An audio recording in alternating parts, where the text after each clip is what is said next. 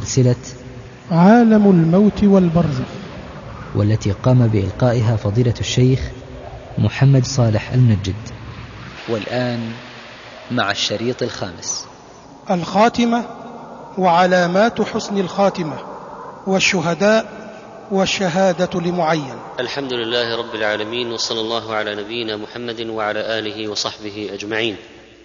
وبعد فمع هذه الحلقة في عالم البرزخ وهي عن الخاتمة وعلامات حسن الخاتمة وأمثلة على ذلك. الأعمال بالخواتيم.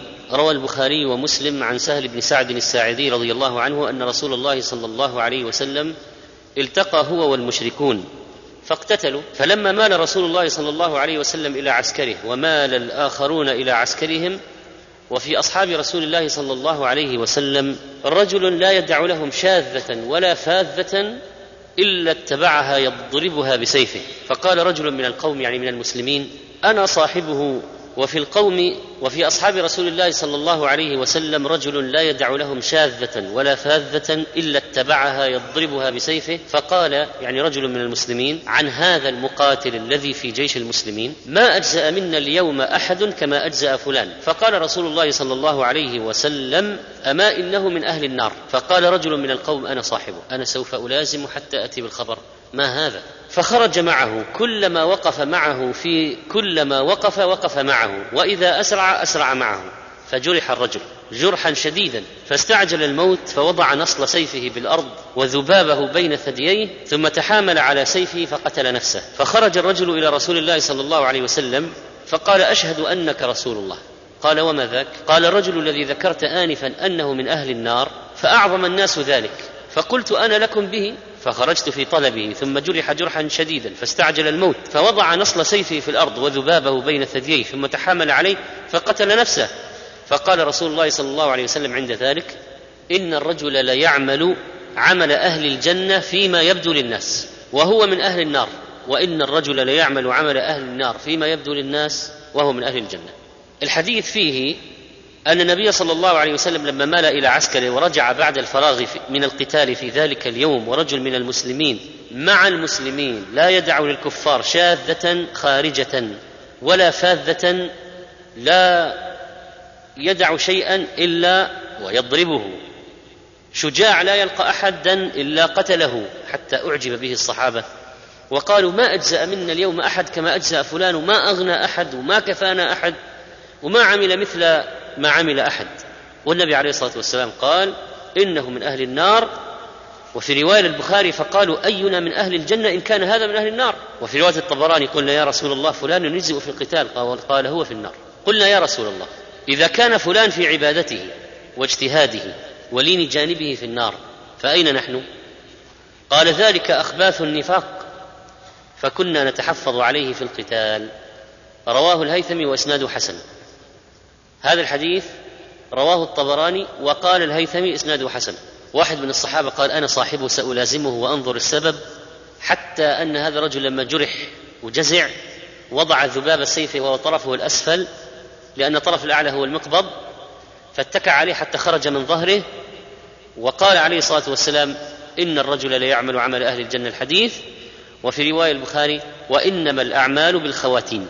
وفي رواية لأحمد عن أنس أن رسول الله صلى الله عليه وسلم قال لا عليكم الا تعجبوا بأحد حتى تنظروا بما يختم له.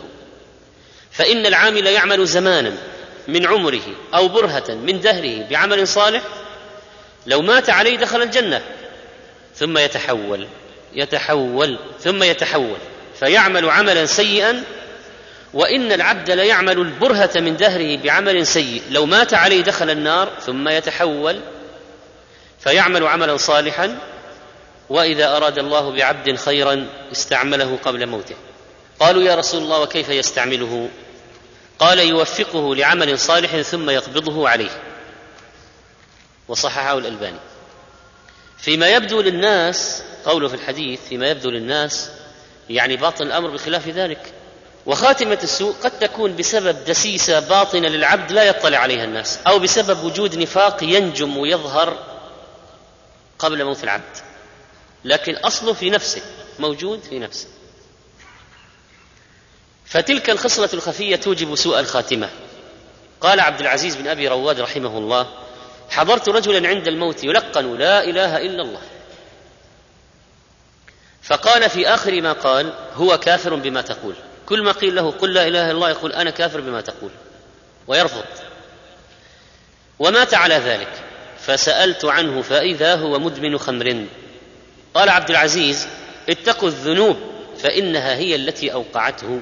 وقد يعمل الرجل عمل أهل النار وفي باطن خصلة طيبة خفية من خصال الخير. فتغلب عليه في آخر عمره فيتحول فتوجب له حسن الخاتمة. وفي رواية تدركه الشقاوة والسعادة عند خروج نفسه فيختم أو فيختم له بها. رواه الطبراني وإسناد حسن. وهذا فيه التحذير من الاغترار بالأعمال وأنه ينبغي للعبد أن لا يتكل عليها ولا يركن إليها مخافة من انقلاب الحال وينبغي للعاصي في الوقت في و وكذلك ينبغي للعاصي في الجانب المقابل ألا يقنط ولا لغير أن يقنطه من رحمة الله لأنه قد يموت على غير ما هو عليه من السيئات البخاري رحمه الله عنوان باب لا يقال فلان شهيد لماذا؟ لأنه قد يكون الأمر الباطن أنه لم يقاتل لله قاتل للمغنم قاتل عصبية عن قومه قاتل ليقال فلان جريء شجاع. وتغييب خاتمة العمل عن العبد حكمة بالغة. يعني لو قال واحد لماذا غيب الله خواتمنا عنا؟ ولماذا لم يخبر كل واحد بما يختم له؟ فنقول هذا تدبير لطيف من رب العالمين لأنه لو كان ناجيا سيكسل ويصاب بالعجب. وإن كان هالكا ازداد عتوا ونفورا. ولذلك كان من رحمة الله إخفاء الخواتيم. ولأن الإنسان لا يصلح حاله إلا إذا صار بين الخوف والرجاء. فإذا صار في الخوف فقط آيس من رحمة الله؟ لا يصلح حاله.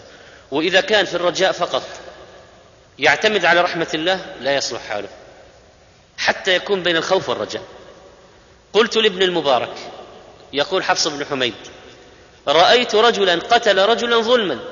فقلت في نفسي أنا أفضل من هذا يعني أنا أفضل من هذا القاتل. فقال أمنك على نفسك أشد من ذنبه. أمنك على نفسك أشد من ذنبه. لأنه لا يدرى فقد ينقلب هذا ويتحول ويعمل شيئا أسوأ من القتل. وإذا كان يجزم نفسه أنه أحسن من هذا والله عز وجل قد يغفر لهذا حتى القتل. وهذا الله سبحانه وتعالى قد يغفر لهذا حتى القتل وهذا يؤاخذه على عجبه بنفسه. وقلوب السلف كانت تخاف من سوء الخواتيم وكثير منهم كان يقلق من السوابق يعني ما سبقت كتابته في اللوح المحفوظ. في الكتاب السابق الذي كتبه الله عنده وفي الكتاب النبي عليه الصلاة والسلام مرة فاجأ أصحابه خرج على أصحابه بكتاب في يده اليمنى وكتاب في يده اليسرى. قال هذا كتاب فيه أسماء أهل الجنة وهذا كتاب فيه أسماء أهل النار. اختفت الكتب. هذا كتاب من الله فيه أسماء أهل الجنة وهذا أسماء أهل النار. ماذا كتب؟ بماذا سبق الكتاب؟ وقيل إن قلوب الأبرار معلقة بالخواتيم فهو يفكر على أي شيء سيختم له. على صلاة ولا على خمر ولا على حج ولا على عقوق ولا على صيام ولا على اختلاس وسرقة. على أي شيء؟ هو يفكر في العمل الذي سيختم له به. هو على خشية ولا على نفاق؟ هذه أعمال قلبية أيضا. وقلوب المقربين معلقة بالسوابق. يعني يفكر أبعد من قضية على أي عمل سيختم له بأي عمل سيختم له. فهو يفكر متعلق بالقدر بقدر الله. ما مكتوب في الأشقياء أو في السعداء. يخشى أن يسبق عليه شيء كتبه الله عنده من قبل فيتغير ويتحول. فقلبه متعلق بالقدر السابق. يخشى من السوابق أن يسبق عليه شيء فيختم له به. وعن أبي نضره قال مرض رجل من أصحاب رسول الله صلى الله عليه وسلم فدخل عليه أصحابه يعودونه فبكى فقيل له ما يبكيك يا أبا عبد الله؟ ألم يقل لك رسول الله صلى الله عليه وسلم؟ خذ من شاربك ثم أقره حتى تلقاني؟ قال بلى ولكني سمعت رسول الله صلى الله عليه وسلم يقول إن الله عز وجل قبض قبضة بيمينه وقال هذه لهذه ولا أبالي وقبض قبضة أخرى بيده الأخرى وقال هذه لهذه ولا أبالي فلا أدري في أي القبضتين أنا. حديث صحيح. إذا الخشية التي يخشاها وهو عند الموت أنه لا يدري في أي القبضتين قال بعض السلف ما أبكى العيون مثل ما أبكاها الكتاب السابق. يعني خشية أن يكون الواحد مسبوق عليه أنه من أهل النار مكتوب في ديوان الأشقياء يخشى يخشى من الكتاب السابق فهو يبكي لهذا. فمن الناس مثلا من يبكي لأجل تذكر النار. ومنهم من يبكي من عظمة الله منهم من يبكي لتذكره مصائر الأقوام السابقة مثل قوم نوح وفرعون ويخشى من هذه المصائر. ومنهم من يبكي لأجل الخشية مما يوجد في الكتاب السابق. ماذا يوجد في الكتاب السابق؟ قال سفيان لبعض الصالحين هل أبكاك قط علم الله فيك؟ هل أنت بكيت لما تذكرت أن الآن الله يعلم أنت فين؟ في الأشقياء في السعداء في الجنة في النار. مكتوب في اللوح المحفوظ. اللوح المحفوظ أبكاك. الكتاب اللي فيه أسماء أهل الجنة وأسماء أهل النار هذا أبكاك. علم الله السابق أبكاك. قال تركني لا أفرح ابدا.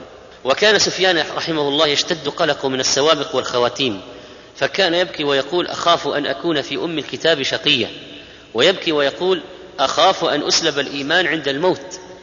هذا سفيان الذي يعني سجد سجدة والناس يطوفون حول الكعبة مرارا مرارا. ثم رفع رأسه. رآه رجل قد طاف مرارا وسفيان لا زال ساجدا وهو الذي كان إذا صلى بالليل اضطجع على ظهره وأسند رجليه على الجدار حتى يرجع الدم من طول قيامه. أخاف أن يسلب الإيمان عند الموت. وكان مالك بن دينار يقول طول ليله قابضا على لحيته قائما لله يا رب قد علمت ساكن الجنة من ساكن النار ففي أي الدارين منزل مالك؟ وقال حاتم الأصم من خلى قلبه من ذكر أربعة أخطار فهو مغتر. فلا يأمن الشقاء الأول. خطر يوم الميثاق حين قال هؤلاء في الجنة ولا أبالي وهؤلاء في النار ولا أبالي. فلا يعلم في أي الفريقين كان. والثاني حين خلق في ظلمات ثلاث فنادى الملك بالشقاوة والسعادة ولا يدرى من الأشقياء. يعني كتب كتبه الملك. كتبه في الأشقياء ولا في السعداء. والثالث ذكر هول المطلع. فلا يدري يعني عند الموت يبشر برضا الله برضا الله أم بسخطه. والرابع يوم يصدر الناس أشتاتا فلا يدري أي الطريقين يسلك به. وقال سهل وقال بعض وكان بعض السلف يخشون على أنفسهم النفاق الأكبر وليس فقط النفاق الأصغر لأن دسائس السوء الخفية توجب سوء الخاتمة. ولذلك كان النبي عليه الصلاة والسلام يكثر من الدعاء بالتثبيت وكان يكثر أن يقول يا مقلب القلوب ثبت قلبي على دينك. فجاء فقال أحد الصحابة يا رسول الله آمنا بك وبما جئت به فهل تخاف علينا؟ قال نعم إن القلوب بين أصبعين من أصابع الله يقلبها كيف يشاء. رواه الترمذي وهو حديث صحيح. وكان عليه الصلاة والسلام يقول في دعائه يا ولي الإسلام وهو الله عز وجل يا ولي الإسلام وأهله مسكني بالإسلام حتى ألقاك عليه رواه الطبراني في الأوسط وهو حديث صحيح. وكان أكثر ما كان النبي عليه الصلاة والسلام يحلف لا ومقلب القلوب. فاذا هو يخشى. يخشى من تقلب القلب يخشى من تغير المصير يخشى أن يكون يخشى من سوء المصير يخشى من تغير الحال قبل الموت. إن الرجل ليعمل عمل أهل الجنة وإنه من أهل النار. يعني فيما يظهر الناس من أهل الجنة لكن في الحقيقة هو من أهل النار قد يكون منافقا.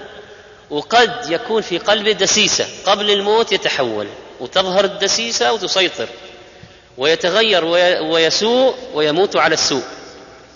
طيب الآن هذا الكلام. حق.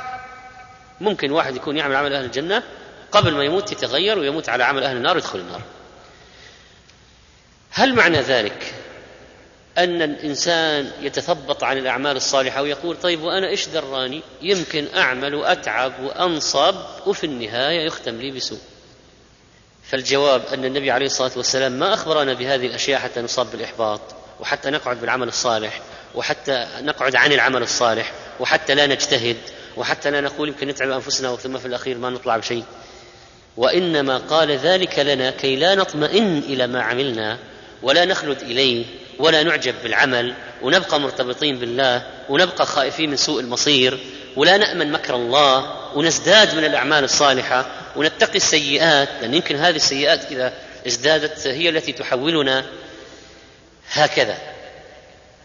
ومما يزيد الأمر طمأنينة أن معنى الحديث لما ذكره الشراح قال النووي رحمه الله إن هذا قد يقع في نادر من الناس لا أنه غالب فيهم. يعني هو الآن ذكره لنا ليثبت أنه يقع. لا أن كل الناس يحدث لهم هذا الأمر ولا أكثر الناس يحدث لهم هذا الأمر. يعني ليس كل الصالحين ينقلبون قبل الموت ولا أكثر الصالحين ينقلبون بعد ولا نصفهم. لكن قد وقع وهو نادر وقوعه نادرا يؤدي إلى خوف الإنسان على نفسه. قال النووي والمراد بهذا الحديث أن هذا قد يقع في نادر من الناس لا أنه غالب فيهم. ثم إنه من لطف الله تعالى وسعة رحمته انقلاب الناس من الشر إلى الخير في كثرة وأما انقلابهم من الخير إلى الشر ففي غاية الندور ونهاية القلة. يعني أنت الآن لو استعرضت الحالات التي تعرفها وتسمع عنها أو تقرأ عنها. ناس كانوا سيئين وقبل الموت صاروا صالحين وماتوا على الصلاح. أكثر ولا الناس اللي كانوا صالحين واستمروا صالحين سنوات طويلة جدا وقبل ما يموتوا بقليل انحرفوا وماتوا على الانحراف. أي الفريقين أكثر؟ اللي تغيروا من الصلاح إلى الفساد ولا اللي تغيروا من الفساد إلى الصلاح؟ من الفساد إلى الصلاح أكثر. تتبع هذا تتبع وفكر فيه تجد أن الذين تغيروا من الفساد إلى اللي صار عنده انقلاب ومات عليه قبل ما يموت بقليل مات عليه هم في الغالب ناس من الفساد إلى الصلاح. أما واحد ماسك خط أهل الخير والاستقامة سنوات طويلة جدا قبل ما يموت مثلا أيام ولا أسبوع ولا شهر ولا يتغير وينتكس يموت على هذا هو حصل حصل. حتى الواحد ما يأمن على نفسه ما يقول ما يحصل لكن نادر. وهذا من معاني حديث إن رحمتي سبقت غضبي. ومن انقلب إلى عمل أهل النار قد ينقلب إلى لاحظ بكفر أو معصية وبالتالي يعني قد يخلد في النار وقد لا يخلد في النار. فإذا الذي ينقلب إلى عمل أهل النار ما هو شرط أن ينقلب إلى شيء يخلده فيها؟ ممكن ينقلب إلى شيء يدخله النار لكن يخرج منها بعد ذلك لأنه من أهل التوحيد. والمقصود أن يعيش العبد بين الخوف والرجاء والمقصود أنه مهما عمل الخيرات يعتقد نفسه مقصرا. والمقصود أن يا لا يأمن مكر الله والمقصود أن يبقى يخاف على نفسه إلى آخر لحظة من حياته. وإذا ما حصل هذا وما عاش بهذه النفسية لا يستقيم لا يستقيم حاله. تصور لو واحد يعيش على أنه خلاص ما دام أنه آه، على هذا على هذه الأعمال الطيبة فإنه جازم لنفسه بالجنة. أصلا ما ما يستمر عليها. بهذه النفسية ما يستمر عليها. فهو يرجو رحمة ربه أن الله لن يضيع أجره. وهذه الاعتكافات والصيامات وقراءة القرآن والأدعية والأذكار وبر الوالدين والصدقات لن تذهب هباء منثورا. إن الله لا يضيع أجر من أحسن عمل إن الله لا يضيع أجر المحسنين. لكن لا يمكن أن يجزم لنفسه أنه سيموت على ذلك. ممكن يموت على غيره. فهو يخشى من سوء المصير. وكلما زادت خشيته من سوء المصير ازداد ثباتا ويقينا وعبادة وهكذا. وابتعد عن السيئات وأهل السوء يخشى على نفسه. والكتابة التي حصلت للجنين بكتب رزقه وأجله وعمله وشقي أو سعيد. يكتب الملك أحد الكلمتين شقي أو سعيد. فوالله الذي لا إله غيره إن أحدكم ليعمل بعمل أهل الجنة حتى ما يكون بينه وبينها إلا ذراع. فيسبق عليه الكتاب فيعمل بعمل أهل النار فيدخلها. وإن أحدكم ليعمل بعمل أهل النار الحديث. ما معنى حتى ما يكون بينه وبينها إلا ذراع؟ تمثيل للقرب. وهو قرب الموت وبعد الموت إلى الجنة أو إلى النار. فما بقي بينه وبين الوصول إليها إلا كمن بقي بينه وبين موضع من الأرض ذراع. قال الحافظ رحمه الله وعلامة ذلك في الحس هي الغرغرة التي جعلت علامة لعدم قبول التوبة. فإذا غرغر على هذا أو غرغر على هذا ختم له بذلك. والتوبة تهدم الذنوب قبلها ومن مات على شيء حكم له به من خير أو شر. وجاء في صحيح مسلم وإن الرجل ليعمل الزمان الطويل بعمل أهل النار. ثم يختم له بعمل أهل الجنة. وفي رواية سبعين سنة. وفي حديث أنس لا عليكم أن لا تعجبوا بعمل أحد حتى تنظروا بما يختم له.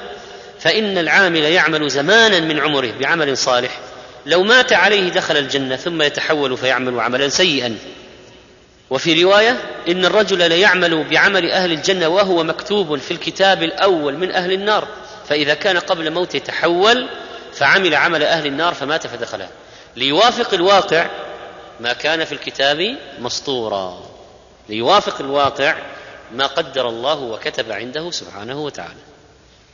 ولذلك الملائكة تتعجب.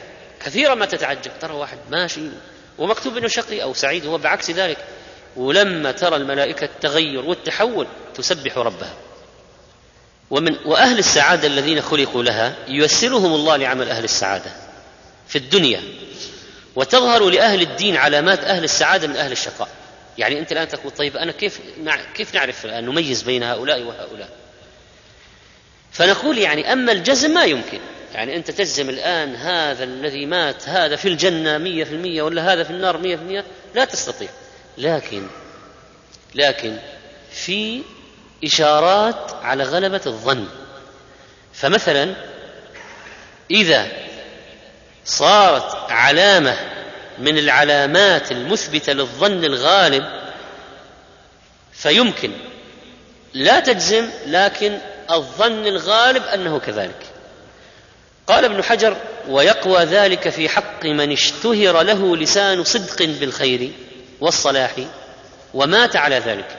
يعني الناس يثنون عليه في محياه وبعد موته لا زالوا يثنون عليه. لماذا؟ لحديث أنتم شهداء الله في الأرض. لأنهم لما أثنوا عليها خيرا قال وجبت وأثنوا عليها شرا قال وجبت. قال أنتم شهداء الله في الأرض. وشيخ الإسلام ابن تيمية رحمه الله كان يرى أن من كثر ثناء الناس عليه بالخير أن هذه شهاده له بالجنة لأجل الحديث. وجبت وجبت. طبعا من الذين يشهدون؟ ليس المنافقون ولا ليس المنافقون ولا المتملقون وإنما عباد الله الأخيار أهل الصلاح والدين أهل الاستقامة. المسلمون إذا شهدوا إذا أثنوا خيرا على شخص هذا دليل على أنه عند الله من أهل الجنة. قال والتحقيق أن يقال إن أريد أنه لا يعلم أصلا وراسا فمردود وإن أريد أنه يعلم بطريق العلامة المثبتة للظن الغالب فنعم. ويقوى ذلك في حق من اشتهر أو اشتهر له لسان صدق بالخير والصلاح ومات على ذلك. لقول في الحديث الصحيح أنتم شهداء الله في الأرض. طيب ما هي أسباب حسن الخاتمة؟ أسباب حسن الخاتمة كثيرة. منها الاستقامة وهي القيام على أمر الله فلا يضيعه والقيام على حدود الله فلا ينتهكها. استقام بقلبه فلم يلتفت إلى غير الله. والدليل على حسن خاتمة هذا قوله تعالى إن الذين قالوا ربنا الله ثم استقاموا تتنزل عليهم الملائكة ألا تخافوا ولا تحزنوا وأبشروا بالجنة الآية. تتنزل عليهم الملائكة عند الموت. قيل إذا قاموا من قبورهم. وقيل البشرى في ثلاث مواطن. عند الموت وفي القبر وعند البعث. كلها يبشر فيها كلها. عند الموت وفي القبر وعند البعث. وقال الحافظ ابن كثير نحن أولياءكم في الحياة الدنيا.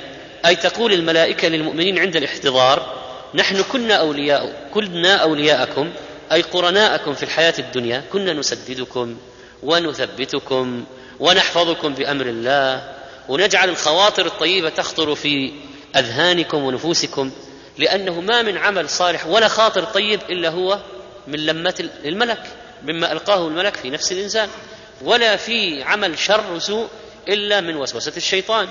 فالملائكة لها دور. يعني كل خاطر كل عمل طيب كل مبادرة طيبة كل عمل حسن هذا من هذا من تذكير الله من تذكير الله للإنسان بواسطة الملك. بواسطة الملك. نكون معكم في الآخرة. نؤنس منكم الوحشة في القبور. وعند النفخة في الصور ونؤمنكم يوم البعث والنشور ونجاوز بكم الصراط المستقيم ونوصلكم إلى جنات النعيم. اذا دور الملائكة في الحياة هذه تثبيت وحفظ وتسديد وبعد الموت تبشير وإناس الوحشة ومرافقة المؤمنين إلى أن يدخلوا عليهم في الجنة. سلام عليكم طبتم. وهذا طبعا له أثر كبير في تنشيط نفوس المؤمنين للطاعات والمواصلة على الخيرات والثبات عليها وهذا من أسباب محبتنا للملائكة. يتنزلون ويتكرر نزولهم ويبشرون عند الاحتضار.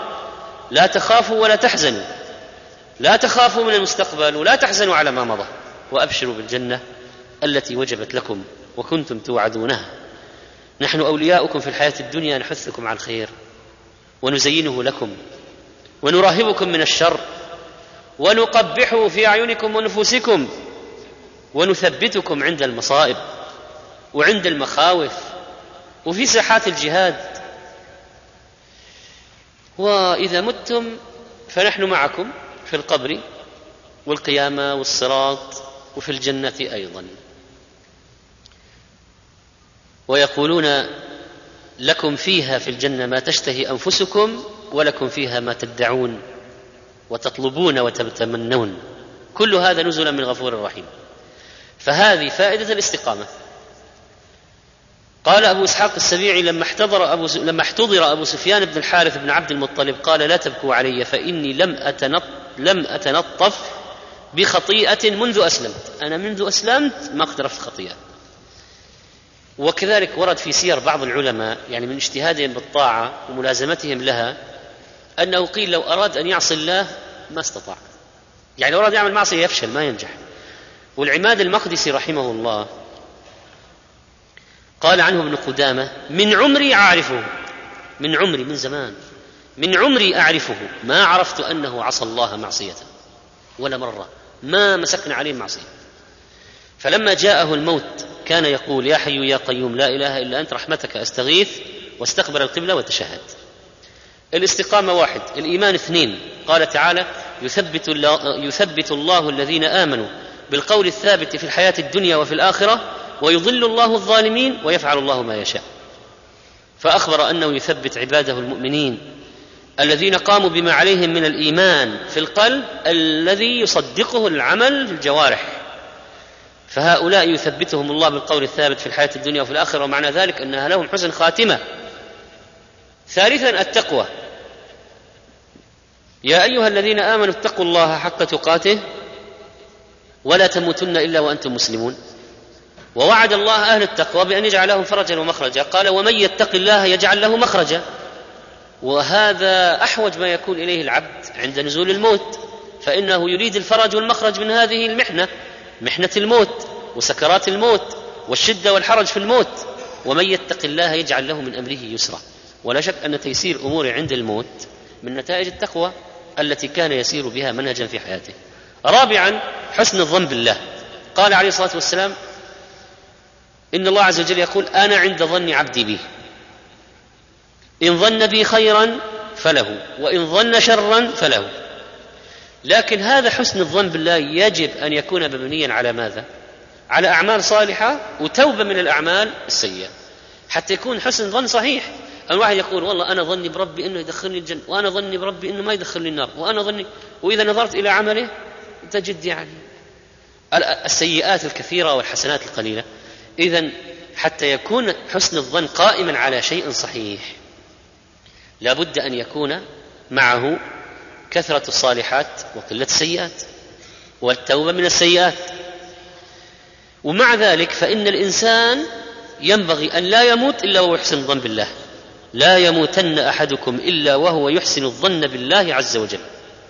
والشاب لما قال للنبي عليه الصلاة والسلام أرجو يا رسول الله أرجو الله يا رسول الله وأخاف ذنوبي. لأنه سأل كيف تجدك عند الموت؟ كيف تجدك؟ ثم قال عليه الصلاة والسلام لا يجتمعان في قلب عبد في مثل هذا الموطن إلا أعطاه الله ما يرجو وأمنه مما يخاف. وأبو عبد الرحمن السلمي رحمه الله دخل عليه عطاء بن السائب وغيره يعودونه في المرض الذي مات فيه. فذهب بعض القوم يرجيه يعني يذكر بحسن الظن بالله. فقال أبو عبد الرحمن إني لأرجو ربي وقد صمت له ثمانين رمضان. فهو يطمئنهم أنه الآن في هذا الموطن هو محسن الظن بالله. وما هو أساس الاعتماد؟ أن في ثمانين رمضان صامها لله تعالى. ثمانين. قال عبد الأعلى بن حماد البرقي دخلت على بشر بن منصور وهو في الموت فرأيته مستبشرا فقلت له ما هذا السرور؟ قال أخرج من بين الحاسدين والباغين والمغتابين واقدم على رب العالمين. ولا أفرح. وكانوا يستحبون أن يلقنوا العبد محاسن عمله عند موته لكي يحسن الظن بربه. ولذلك لابد أن يعمل الإنسان محاسن. يعني أنت حتى لو أردت أن تثبت شخصا عند الموت فتقول له مثلا يا أخي ألم تفعل كذا وتفعل كذا؟ طيب إذا ما عنده أشياء طيبة فعلها فتذكره بماذا؟ ولذلك فإن حسن الظن قرين بحسن العمل. ومهما عمل الانسان من سيئات يتوب منها حتى لو حضره الموت. يبقى يحسن الظن برب العالمين أنه يغفر له ويرجو رحمة ربه. خامسا الصدق. قال تعالى يا أيها الذين آمنوا اتقوا الله وكونوا مع الصادقين. وكان الصدق من سبب نجاة المؤمنين وحسن خاتمتهم. ألم تر أن أنس بن النضر لما غاب عن قتال بدر رضي الله عنه قال يا رسول الله غبت عن أول قتال قاتلت المشركين. لئن الله أشهدني قتال المشركين ليرين الله ما أصنع. طبعا هذه دعوة. واحد يدعي يقول أنا لو قابلت المشركين ليرين الله ما أصنع. هذه دعوة. انتظر. فلما كان يوم أحد وانكشف المسلمون قال اللهم إني أعتذر إليك مما صنع هؤلاء يعني أصحابه المسلمين. وأبرأ إليك مما صنع هؤلاء يعني المشركين. ثم تقدم. فاستقبله سعد بن معاذ. فقال يا سعد بن معاذ الجنة ورب النضر إني لأجد ريحها من دون أحد. قال سعد فما استطعت يا رسول الله ما صنع. قال أنس فوجدنا به بضعا وثمانين ضربة بالسيف أو طعنة برمح أو رمية بسهم. ثمانين بضعة وثمانين. يعني هذا كم استمر يقاتل حتى يعني فعل به الكفار هذا؟ يعني يمكن يضرب مثلا فيتلقى ضربة ولا زال يضرب ويتلقى ضربة ففي بضعة وثمانين ضربة. بضعة وثمانين. كم استمر في القتال؟ يعني كم أصابه وهو مستمر في القتال؟ حتى طعنوه هذه الطعنات. ولا زالوا يرمونه بالسهام وبالرماح ويضربونه بالسيوف. قال فوجدنا به بضعا وثمانين ضربة بالسيف أو طعنة برمح أو رمية بسهم يعني كل الأنواع كل الأنواع. قال أنس فوجدنا به بضعا وثمانين ضربة بالسيف أو طعنة برمح أو رمية بسهم ووجدناه قد قتل وقد مثل به المشركون. فما عرفه أحد إلا أخته ببنانه طرف الأصبع كان مميز عنده. فعرفته أخته من طرف أصبع. قال أنس كنا نرى أو نظن أن هذه الآية نزلت فيه وفي أشباه من المؤمنين رجال صدقوا ما عاهدوا الله عليه. وهذا الصحابي لما وجد ريح الجنة ما كان هذا تخيلا لأشياء غير موجودة؟ لا حقيقة. اذا لو قال لك واحد هل ممكن إنسان يشم رائحة الجنة وهو في الدنيا؟ تقول نعم. هكذا وجد أنس بن النضر. وعن شداد بن الهاد أن رجلا من الأعراب جاء إلى النبي صلى الله عليه وسلم فآمن به واتبعه ثم قال أهاجر معك. فأوصى به النبي صلى الله عليه وسلم بعض أصحابه. فلما كانت غزوة غنم النبي صلى الله عليه وسلم سبيا فقسم وقسم له. فأعطى أصحابه ما قسم له يعني ليوصلوه إليه نصيبه من الغنيمة. وكان يرعى ظهرهم الأعرابي يرعى دواب أصحابه. فلما جاء دفعوه إليه. لما رجع من الرعي أعطوه نصيبه. قال ما هذا؟ قالوا قسم قسمه لك النبي صلى الله عليه وسلم. فأخذه فجاء به إلى النبي صلى الله عليه وسلم فقال ما هذا؟ قال قسمته لك. قال ما على هذا اتبعتك؟ ما تبعناك على أموال تبعناك على الجهاد في سبيل الله. ولكني اتبعتك على أن أرمى إلى ها هنا وأشار إلى حلقي بسهم فأموت فأدخل الجنة. طبعا هذا ادعاء. الميدان يصدق أو يكذب. قال إن تصدق الله يصدقك. فلبثوا قليلا ثم نهضوا في قتال العدو فأتي به النبي صلى الله عليه وسلم يحمل. قد أصابه سهم حيث أشار. سبحان الله كان ممكن السهم يجي في أي محل لكن جاء في المكان الذي أشار إليه هو أنه يريدها ها هنا. طبعا لماذا ها هنا؟ معناها أنه مقبل غير مدبر لأنه كان في الظهر كان ممكن جاته مولي الأدبار لكن هو يريد ها هنا. وقد قال بعض المجاهدين في هذا الزمان أنه يريد ها هنا وجاءت ها هنا فعلا. وقال بعضهم يريد ها هنا وجاءت ها هنا في قلبه. يعني اقتداء بحديث الأعرابي. لكن الشاهد ما هو؟ الصدق قال إن تصدق الله يصدقك. فلما أتي به إلى النبي عليه الصلاة والسلام وقد أصابه سهم حيث أشار قال النبي عليه الصلاة والسلام أهو هو قالوا نعم. قال صدق الله فصدق ثم كفنه النبي صلى الله عليه وسلم في جبة النبي صلى الله عليه وسلم. ثم قدمه فصلى عليه.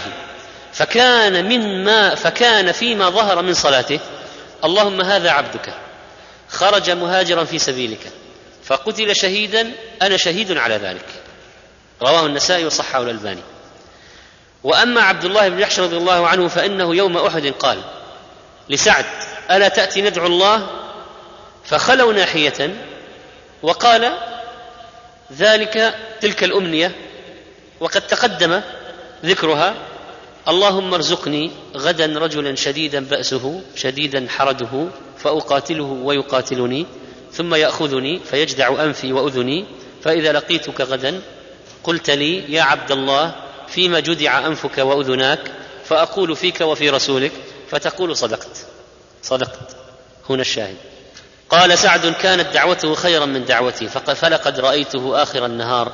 وإن أنفه وأذنه لمعلق في خيط. وربعي بن حراش زعم قومه أنه لم يكذب قط. وعن الحارث الغنوي قال آلى ربعي بن حراش أن لا تفتر أسنانه ضاحكا حتى يعلم أين مصيره. فكأنه يعني حلف أن لا يضحك حتى يعلم أين مصيره في الجنة ولا في النار.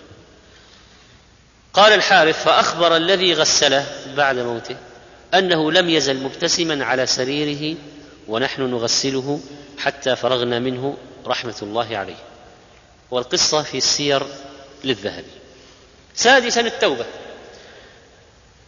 يا أيها الذين آمنوا توبوا إلى الله توبة نصوحا عسى ربكم أن يكفر عنكم سيئاتكم ويدخلكم جنات. فإذا صارت التوبة نصوحا فهذا من علامات ومات الإنسان عليها فهذا من علامات حسن الخاتمة. توبة النصوح قالوا أن لا يعود في الذنب كما لا يعود اللبن في الضرع. هو اللبن إذا خرج من الثدي لا يمكن أن يعاد فيه. توبة نصوحة تنصحون بها أنفسكم. استغفار باللسان وإقلاع بالأبدان وإضمار ترك العود بالجنان وهو القلب وهجر سيء الإخوان. هذه التوبة النصوح. لقد تابت امرأة توبة من الفاحشة لو قسمت بين أمة لوسعتهم.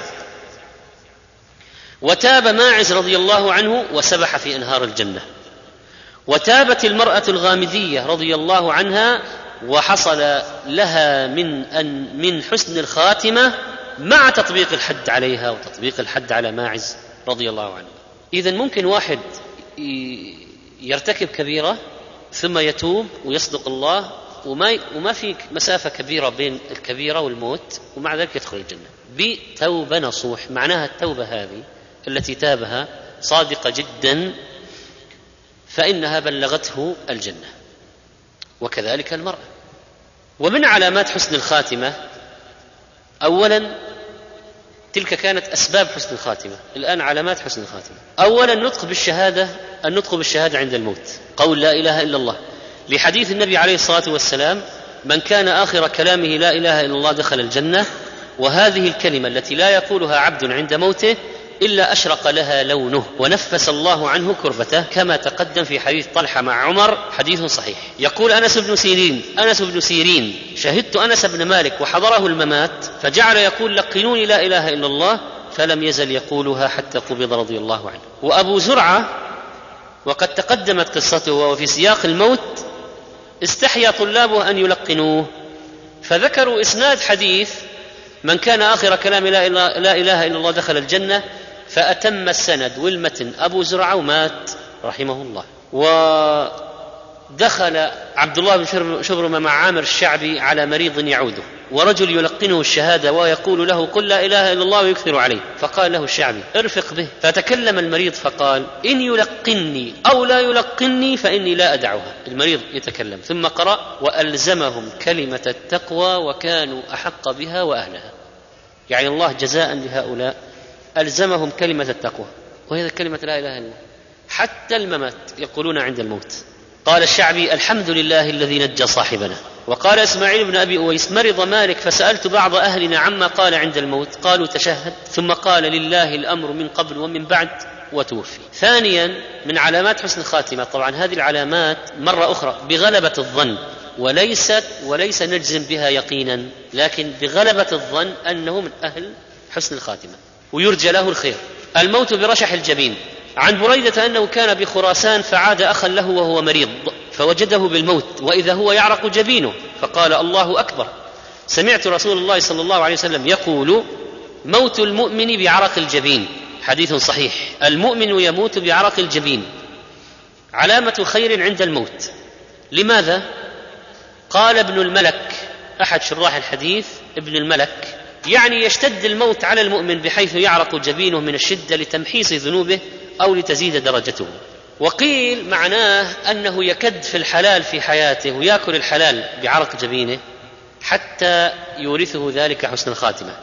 وقيل شدة الموت. وقال العراقي رحمه الله اختلف في معنى هذا الحديث فقيل إن عرق الجبين لما يعالج من شدة الموت وقيل من الحياء وذلك لأن المؤمن إذا جاءته البشرى مع ما كان قد اقترف من الذنوب حصل له بذلك خجل واستحيا من الله تعالى فعرق لذلك جبينه.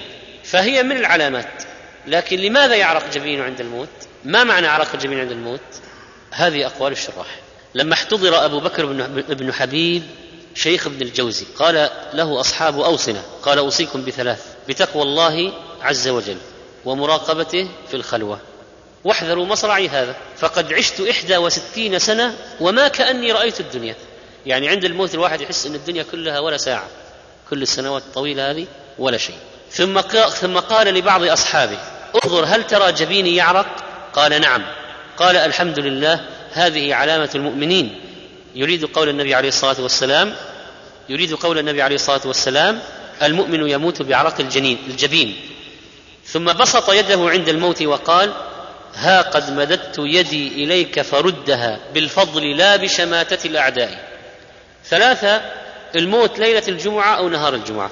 مرة أخرى نقول يرجى. وليس كل من مات يوم الجمعة يعني أنه مؤكد ينجو لا. ولذلك لما قيل لبعض العلماء طيب هناك كفار هناك مبتدئ هناك ظلم فسق فجر هناك فجر ظلم فسق يموتون يوم الجمعة قال يعذب يوم السبت. الموت ليلة الجمعة أو نهار الجمعة لقول صلى الله عليه وسلم ما من مسلم يموت يوم الجمعة أو ليلة الجمعة إلا وقاه الله فتنة القبر رواه الترمذي وهو حديث حسن. فإذا قبض الله عبدا من عبيده فوافق قبضه يوم الجمعة كان ذلك. دليل ظني كان ذلك من المبشرات والمؤشرات لسعادته وحسن مآبه. يعني يرجى له الخير. يعني شيء يحمد الله عليه أن يموت الواحد يوم الجمعة وليلة الجمعة. يعني خبر سار يعني إذا جاءك أن قريبك وصاحبك مات يوم الجمعة وليلة الجمعة اعتبر الخبر سار. نحن لا نجزم نقول مئة بالمئة قد غفر له وما في فتنة القبر. لكن نرجو نقول هذا شيء طيب هذه بشارة هذا خبر طيب. وهكذا يكون هذا من العلامات علامات حسن الخاتمة. ولما احتضر عبد الله بن المبارك رحمه الله فتح عينيه عند الوفاة وضحك وقال لمثل هذا فليعمل العاملون. وأبو البركات إسماعيل النيسابوري رحمه الله من شيوخ الحافظ بن عساكر كان وقورا مهيبا على شاكلة حميدة ما عرفت له هفوة. قال ابن النجار سمعت ابن سكينة يقول كنت حاضرا لما احتضر فقلت له أو فقالت له أمي يا سيدي كيف تجد؟ فما قدر على النطق فكتب بأصبعه روح وريحان وجنة نعيم ثم مات. والإمام الزاهد الخير شيخ الإسلام أبو الوقت كما قال الذهبي رحمه الله كان صالحا كثير الذكر لما احتضر كان آخر كلمة قالها يا ليت قومي يعلمون بما غفر لي ربي وجعلني من المكرمين. هذه أمثلة وستأتي أخرى في حسن الخاتمة. علامات يرجى من هذه الكلمات التي سمعت منه عند موته أنه من أهل السعادة إن شاء الله.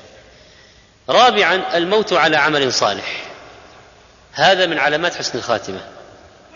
قال عليه الصلاة والسلام من قال لا إله إلا الله ابتغاء وجه الله ختم له بها دخل الجنة.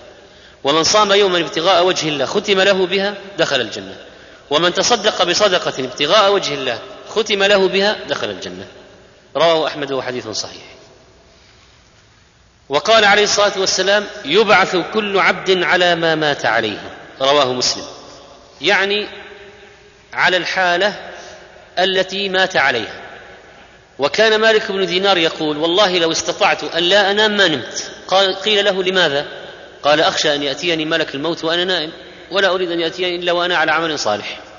وإذا مات على الدخول في الدين كما مات ذلك اليهودي عندما أسلم وقال عليه الصلاة والسلام الحمد لله الذي أنقذه من النار هذا عمل صالح عظيم. قال القاسم أبو عبد الرحمن غزونا مع فضالة بن عبيد فبينا نحن نسرع في السير وهو أمير الجيش. وكان الولاة إذ ذاك يسمعون ممن استرعاهم الله عليه. فقال قائل أيها الأمير إن الناس قد تقطعوا قف حتى يلحقوا بك. فوقف في مرج عليه قلعة. فإذا نحن برجل أحمر ذي شوارب. فأتينا به فضاله. فقلنا إنه هبط من الحصن بلا عهد. هذا جاء من حصن العدو ما بينه وبينه عهد. فسأله فقال إني البارحة أكلت الخنزير وشربت الخمر فأتاني في النوم رجلان فغسل بطني وجاءتني امرأتان فقالتا أسلم فأنا مسلم.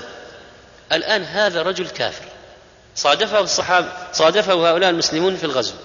نزل من حصن العدو فالقوا القبض عليه واخذوا ما بك ما الذي أخرجك من حصنك؟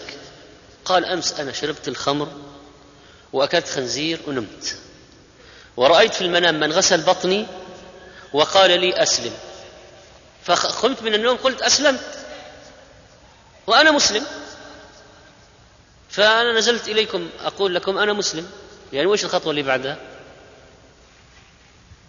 تأثر بالمنام وأسلم. قال فما كانت كلمته يعني كلمة أنا مسلم.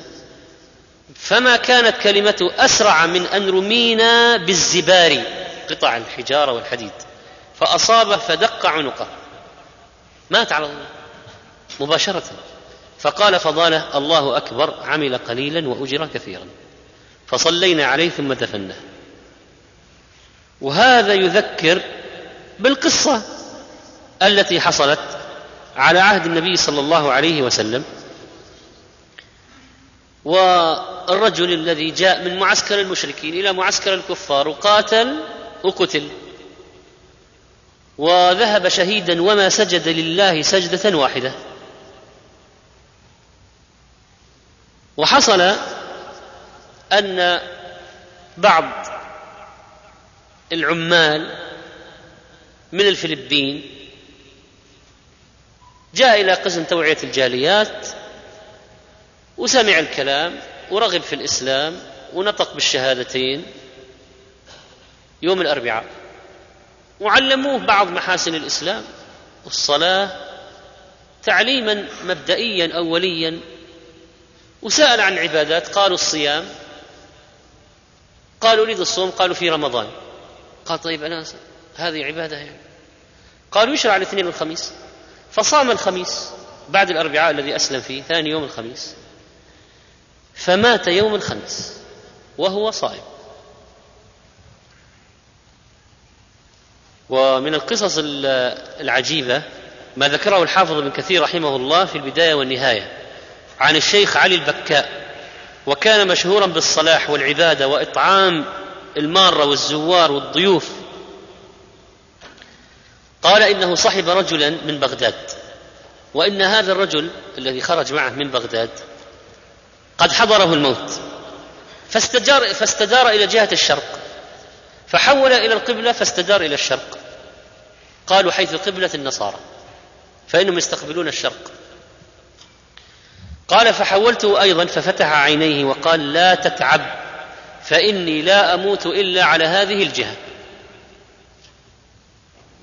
وجعل يتكلم اليوم أسلم واليوم مات. فقلنا لهم خذوا هذا بدله وسلمون صاحبنا.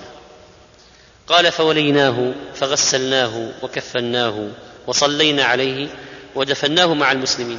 وولوا هم ذلك الرجل فدفنوه في مقبرة النصارى نسأل الله الخاتم حسن الخاتمة. ومن أهل العلم من ختم له بكلمة التوحيد وكان الطبري رحمه الله شيخ المفسرين. قال الذي أدين الله به وأوصيكم هو ما ثبت فاعملوا به وعليه وأكثر من التشهد. وذكر الله عز وجل ومسح يده على وجهه وغمض بصره بيده ومات.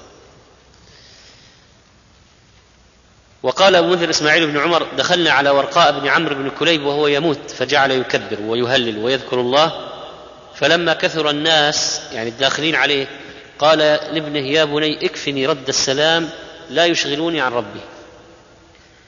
وأبو بكر النابلس ابن النابلسي رحمه الله كان رجلا ذا كان رجلا ذا صبر عظيم عند الطغاة. فأتى به جوهر العبيدي الرافضي وألقى القبض عليه.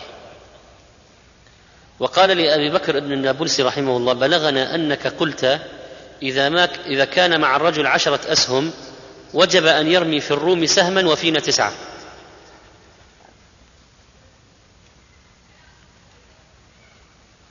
يعني في الباطنية تسعة وفي النصارى الأصلي الكفار الأصليين أهل الكتاب واحد.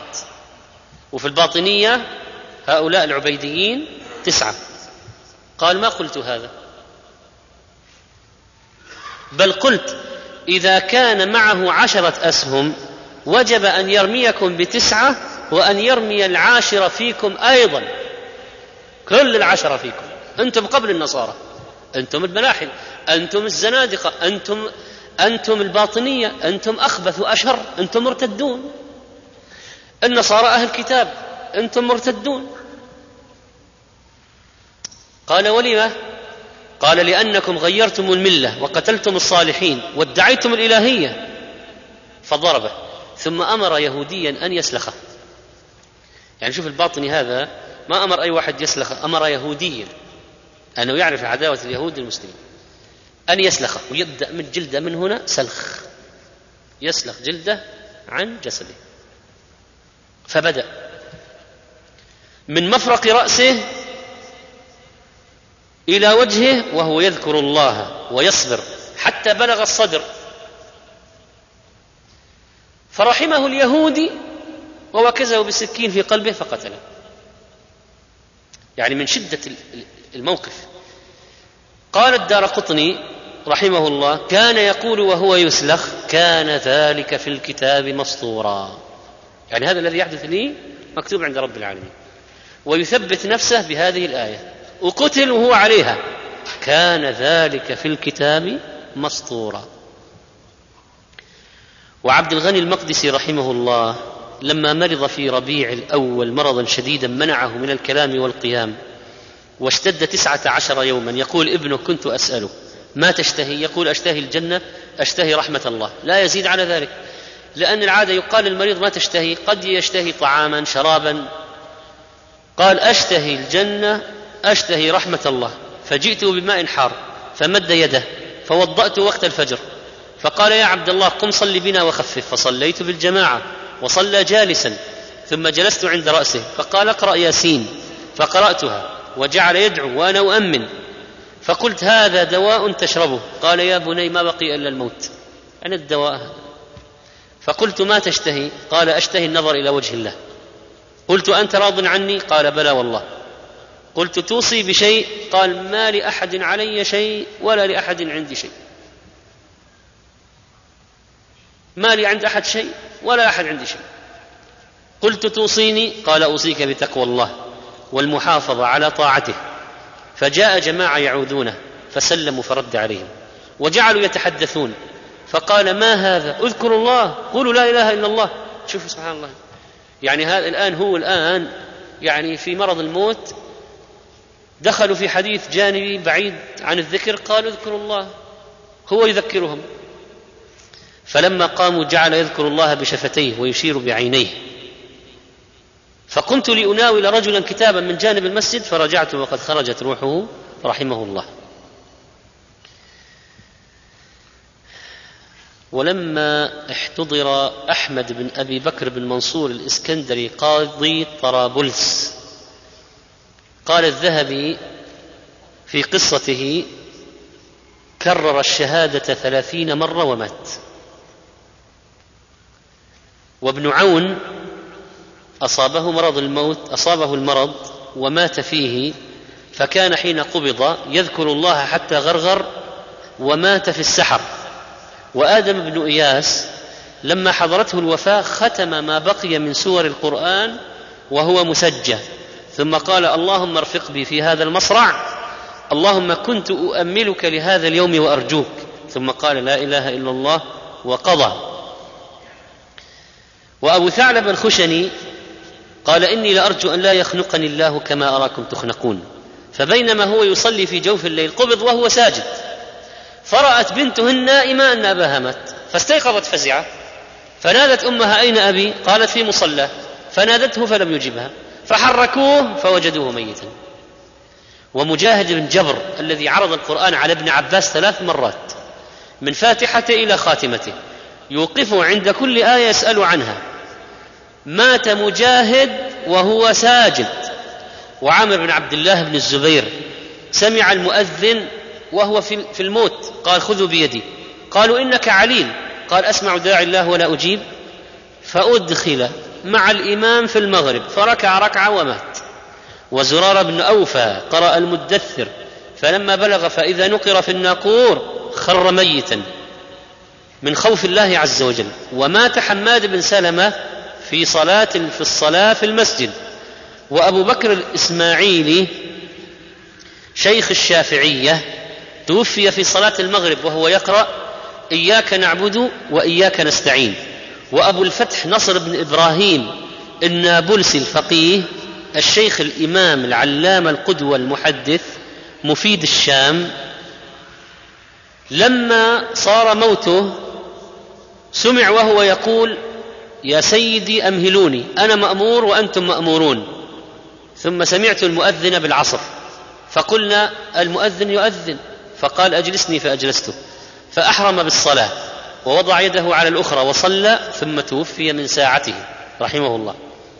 وقريب من هذا بعض أهل العلم والعبادة في نجد.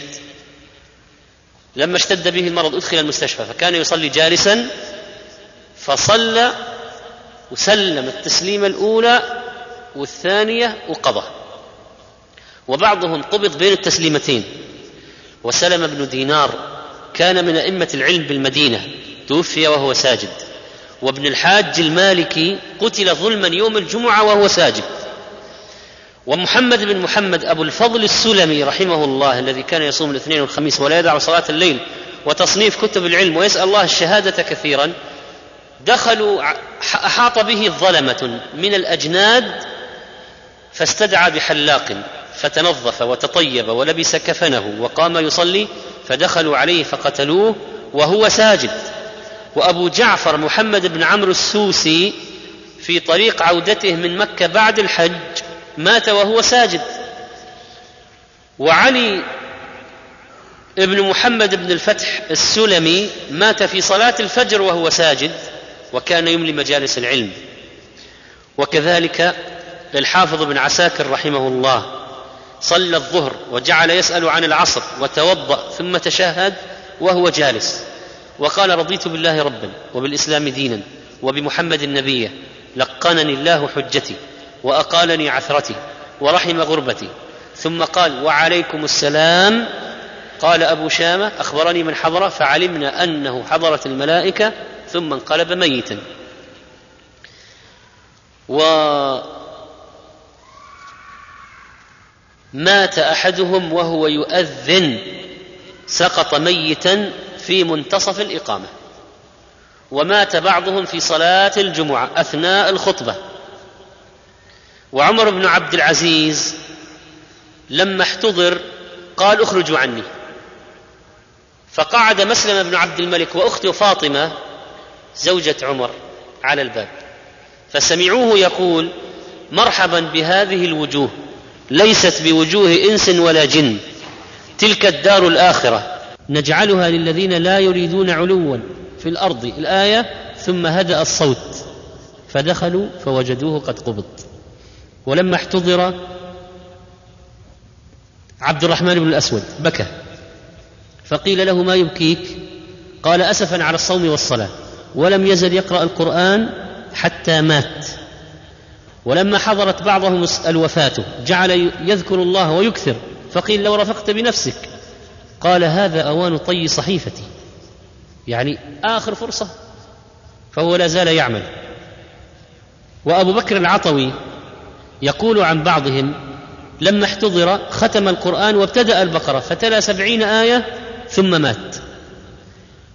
والكاساني الفقيه المشهور شرع في قراءة سورة إبراهيم فلما انتهى إلى قوله تعالى يثبت الله الذين آمنوا بالقول الثابت في الحياة الدنيا وفي الآخرة خرجت روحه بعد فراغه من قوله وفي الآخرة. وأبو حكيم الخبري كان جالسا ينسخ المصحف وقع القلم من يده فجأة وقال إن كان هذا موتا فوالله إنه موت طيب وسقط. وشيخ الإسلام ابن تيمية رحمه الله لما دخل السجن ومرض مرض الموت وختم مع أخيه ثمانين ختمة وشرع في الختمة الحادية والثمانين قبضت روحه بعدما قرأ إن المتقين في جنات ونهر في مقعد صدق عند مليك مقتدر. وعروة بن الزبير مات صائما وإبراهيم بن هانئ النيسابوري كان أحمد يجله قدوة حافظ زاهد عابد. صام عند وفاته. فقال أنا عطشان فجاءوه بماء قال غابت الشمس؟ قالوا لا فرده. وقال لمثل هذا فليعمل العاملون ثم مات. وأبو مريم الغساني أبو بكر بن أبي مريم الغساني لم يفطر وهو في النزع الأخير وظل صائما. فقال له من حوله لو جرعت جرعة ماء؟ قال لا. فلما دخل المغرب قال أذن قالوا نعم. فقطروا في فمه قطرة ماء ثم مات. والصحابي الذي مات وهو محرم قال النبي عليه الصلاة والسلام اغسلوه بماء وسدر وكفنوه في ثوبيه ولا تمسوه بطيب ولا تخمروا رأسه فإنه يبعث يوم القيامة ملبيا. وخرج جماعة من أهل الطائف إلى مكة للعمرة فدخلوا الحرم بعدما انتهت العشاء. فتقدم أحدهم ليصلي بهم وهو محرم. هذا من قصص هذا الزمان. فقرأ سورة الضحى. فلما بلغ قول الله وللآخرة خير لك من الأولى شهق وبكى وأبكى وقرأ ولسوف يعطيك ربك فترضى فترنح قليلا وسقط ميتا. وعجوز من بنغلاديش. جلست طيلة عمرها تجمع للحج وتتمنى الحج. ولما اكتمل المبلغ بعدما تقدمت في السن وافنت عمرها في جمعه جاءت إلى الحجاز للحج. ولما نزلت من الطائرة سجدت على الأرض سجدة لم تقم بعدها. ومات بعض الطلاب من هذا المسجد هنا وهو راجع من العمرة والصلاة في المسجد النبوي. ويوم الجمعة قرأ الكهف وصار الحادث ونطق بالشهادتين ومات. وتاب بعض الشباب فأدركه الموت بعد توبته مباشرة. وكان أبو إسحاق الحربي رحمه الله من الزهاد صابرا. ويقول من لم يجري مع القدر لم يتهن بعيشه. الذي لا يصبر على أمر الله لم يجري مع القدر ويرضى بالقضاء لا يتهن بعيشه. كانت بي شقيقة هذا الصداع العظيم. منذ أربعين سنة ما أخبرت بها أحدا قط. ولي عشرون سنة أبصر بفرد عين ما أخبرت بها أحدا قط. مكث نيفا وسبعين سنة. ما يسأل أهله غداء ولا عشاء إن جاء شيء أكله وإلا طوى إلى الليلة التي بعدها. ولما حضرته الوفاة دخل عليه بعض أصحابه يعوده. فقالت بنته بنت أبي إسحاق الحربي تشكو إليه. يعني فينا ما عندنا شيء ولا طعام عندنا. قال لها إبراهيم أبو إسحاق يا بنيه تخافين الفقر؟ انظري إلى تلك الزاوية فيها اثني عشر ألف جزء قد كتبتها بيده من العلم والحديث. ففي كل يوم تبيعين منها جزءا بدرهم. فمن عنده اثني عشر ألف درهم فليس بفقير. ومن أفضل الأعمال التي يختم بها للعبد الشهادة في الجهاد في سبيل الله.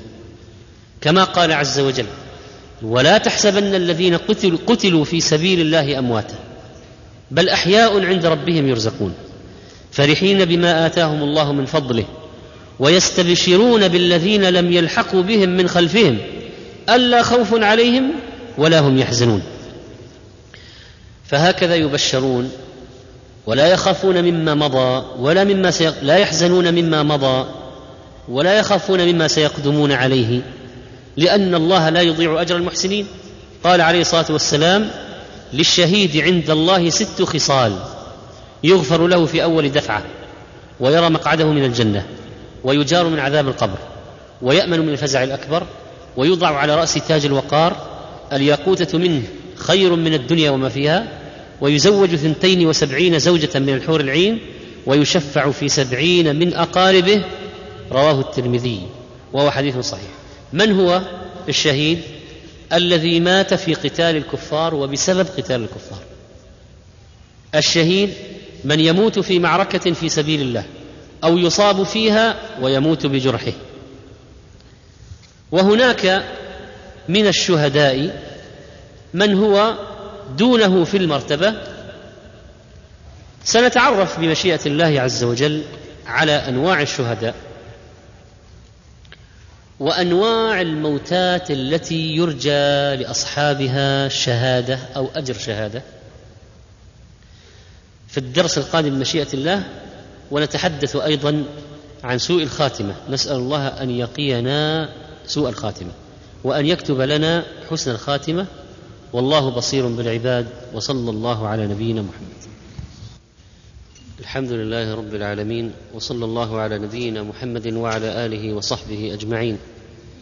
الحمد لله الذي خلق الموت والحياة ليبلونا أينا أحسن عملا أحمده وأثني عليه وأصلي على نبيه محمد بن عبد الله أشهد أنه رسول الله والرحمة المهداة البشير والنذير والسراج المنير صلى الله عليه وعلى آله وصحبه أجمعين وبعد. ففي هذه الحلقة من عالم الموت والبرزخ نتناول تتمة الكلام عن الشهداء. في حسن الخاتمة وأنواعهم.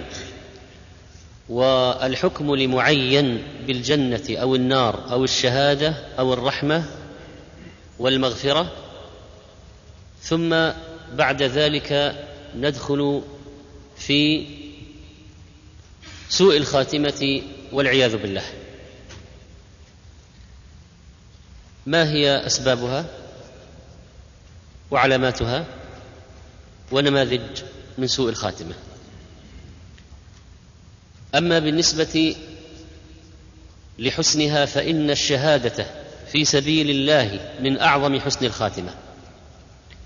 قال الله تعالى ولا تحسبن الذين قتلوا في سبيل الله أمواتا بل أحياء عند ربهم يرزقون فرحين بما آتاهم الله من فضله ويستبشرون بالذين لم يلحقوا بهم من خلفهم ألا خوف عليهم ولا هم يحزنون يستبشرون بنعمة من الله وفضل وأن الله لا يضيع أجر المؤمنين. ذكر الله تعالى فضل الشهادة في سبيله لتنشط النفوس للتضحية في سبيل الله والتعرض لهذا الموقف العظيم الذي لو ناله المسلم نال رضا الله عز وجل والحياة العظيمة في أعلى عليين والاستبشار وذهاب الخوف من المستقبل والحزن على ما مضى والتبشير بنعمة الله والفضل وثبوت الأجر وأن الله لا يضيعه. وقال عليه الصلاة والسلام للشهيد عند الله ست خصال يغفر له في أول دفعة ويرى مقعده من الجنة ويجار من عذاب القبر ويأمن من الفزع الأكبر. وهذا كله يتعلق بموضوعنا في عالم الموت والبرزخ.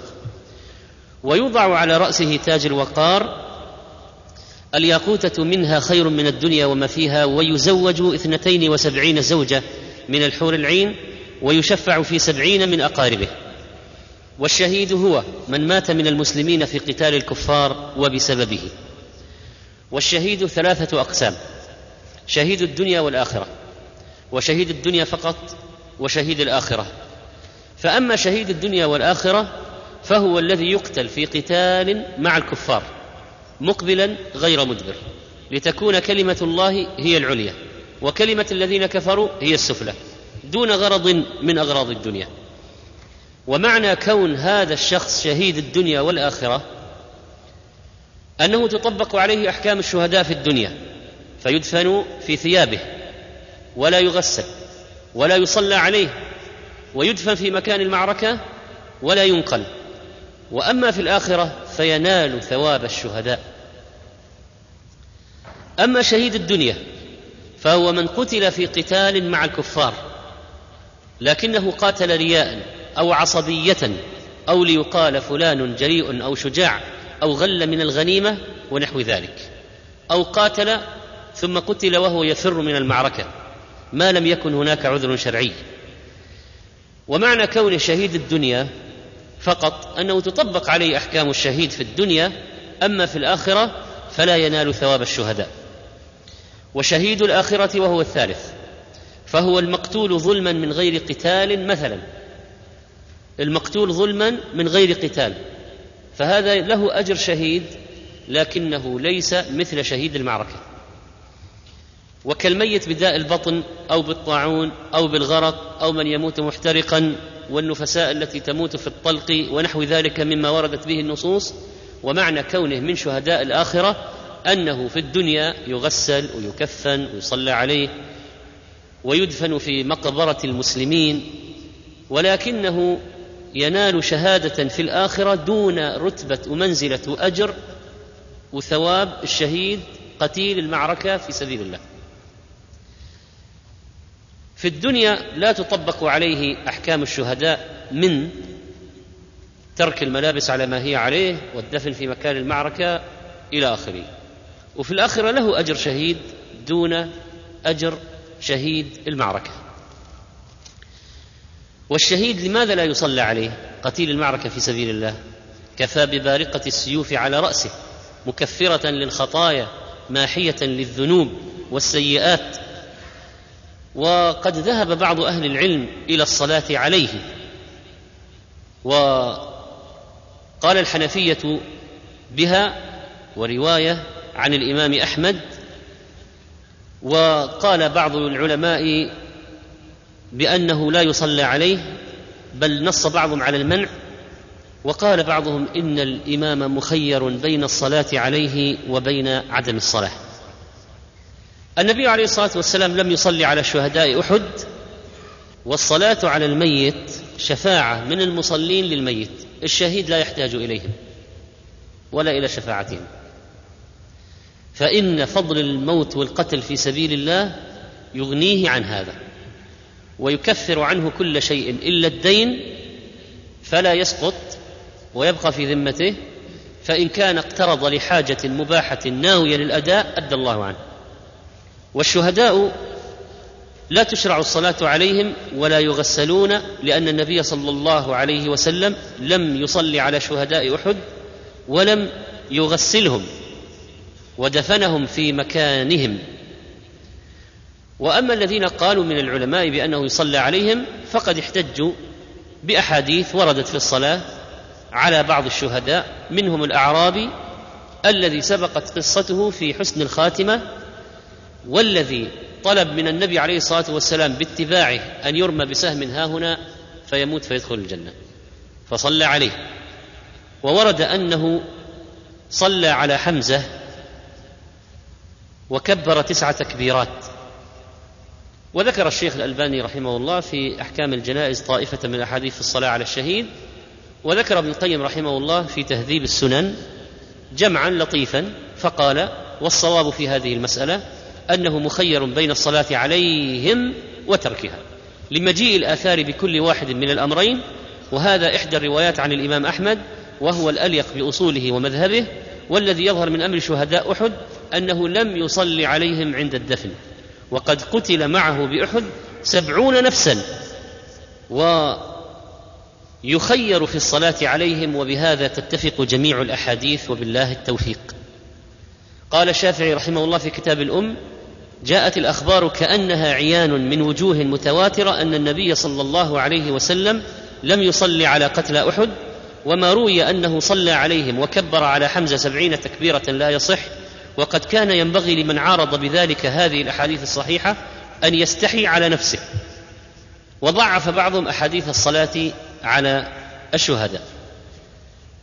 وحرام بن ملحان ووالد جابر عبد الله بن حرام وأنس بن النضر وغيرهم لاحت عليهم وبدر منهم قبل موتهم مباشرة أو بعد موتهم ما يدل على حسن خاتمتهم وغيرهم من الصحابة والسلف والشهداء في سبيل الله.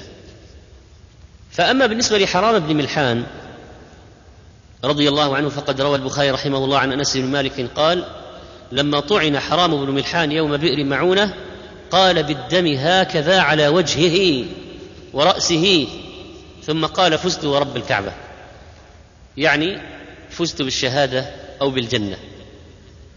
من الذي طعنه من المشركين؟ جبار بن سلمة.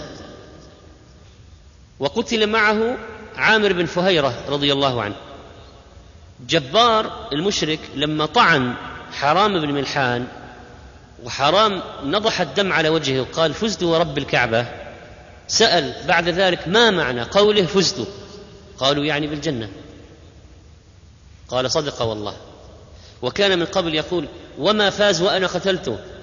كيف فاز؟ فلما قالوا يعني الجنة قال صدق والله ثم أسلم جبار بعد ذلك رضي الله عن الجميع. وكان من الصحابة من وقف المواقف العظيمة كعروة بن مسعود الثقفي الذي كان في قومه كمثل صاحب ياسين في قومه. لقد تحسر خالد بن وليد رضي الله عنه على فوت هذه المنزلة العظيمة وقال لقيت كذا وكذا زحفا وما في جسدي شبر إلا وفيه ضربة بسيف أو رمية بسهم وها أنا أموت على فراشي حتف أنفي كما يموت البعير. وهذا من تواضع رضي الله عنه. فلا نامت أعين الجبناء. هؤلاء الجبناء الذين يتخلفون عن المعارك خوفا من الموت أنا دخلت في هذه المعارك كلها وما نالني الموت فلا نامت عين الجبناء يدعو عليهم أن لا يناموا. وكذلك من الواقع المعاصر سمعنا من القصص في علامات حسن الشهداء للخاتمة وكيف كان بعضهم يشير إلى مكان قتله قبل أن يدخل المعركة فتأتي الرصاصة في ذلك المكان. ومنهم من لم تتغير جثته المدة الطويلة كسائق الشاحنة الذي كان صاحب جاهلية ولما صار له حادث وهو مخمور ويسر الله له اثنين من الصالحين. فأخذوه لما أفاق أمروه بالاغتسال والوضوء ثم صلى ثم نصحوه قالوا له لو مت كانت ميتتك على هذه المعصية فأحسن فيما بقي. فكانت تلك الموعظة فاعتزل الفاسدين وأقبل على قراءة القرآن الكريم. ولما صار الجهاد في سبيل الله وقتل في تلك المعركة بقيت جثته عند الصلب شهرين. فلما استخرجت لم يكونوا قد وضعوها في ثلاجة أصلا وإنما كانت في كيس فلما فتحها أصحابه وجدوه كما هو ووجهه ولحيته وجسمه لم يتغير ورائحته كرائحة الحناء. وقد وردت النصوص بتعداد الشهداء غير شهيد المعركة وهم الذين يوصفون بأنهم شهداء الآخرة.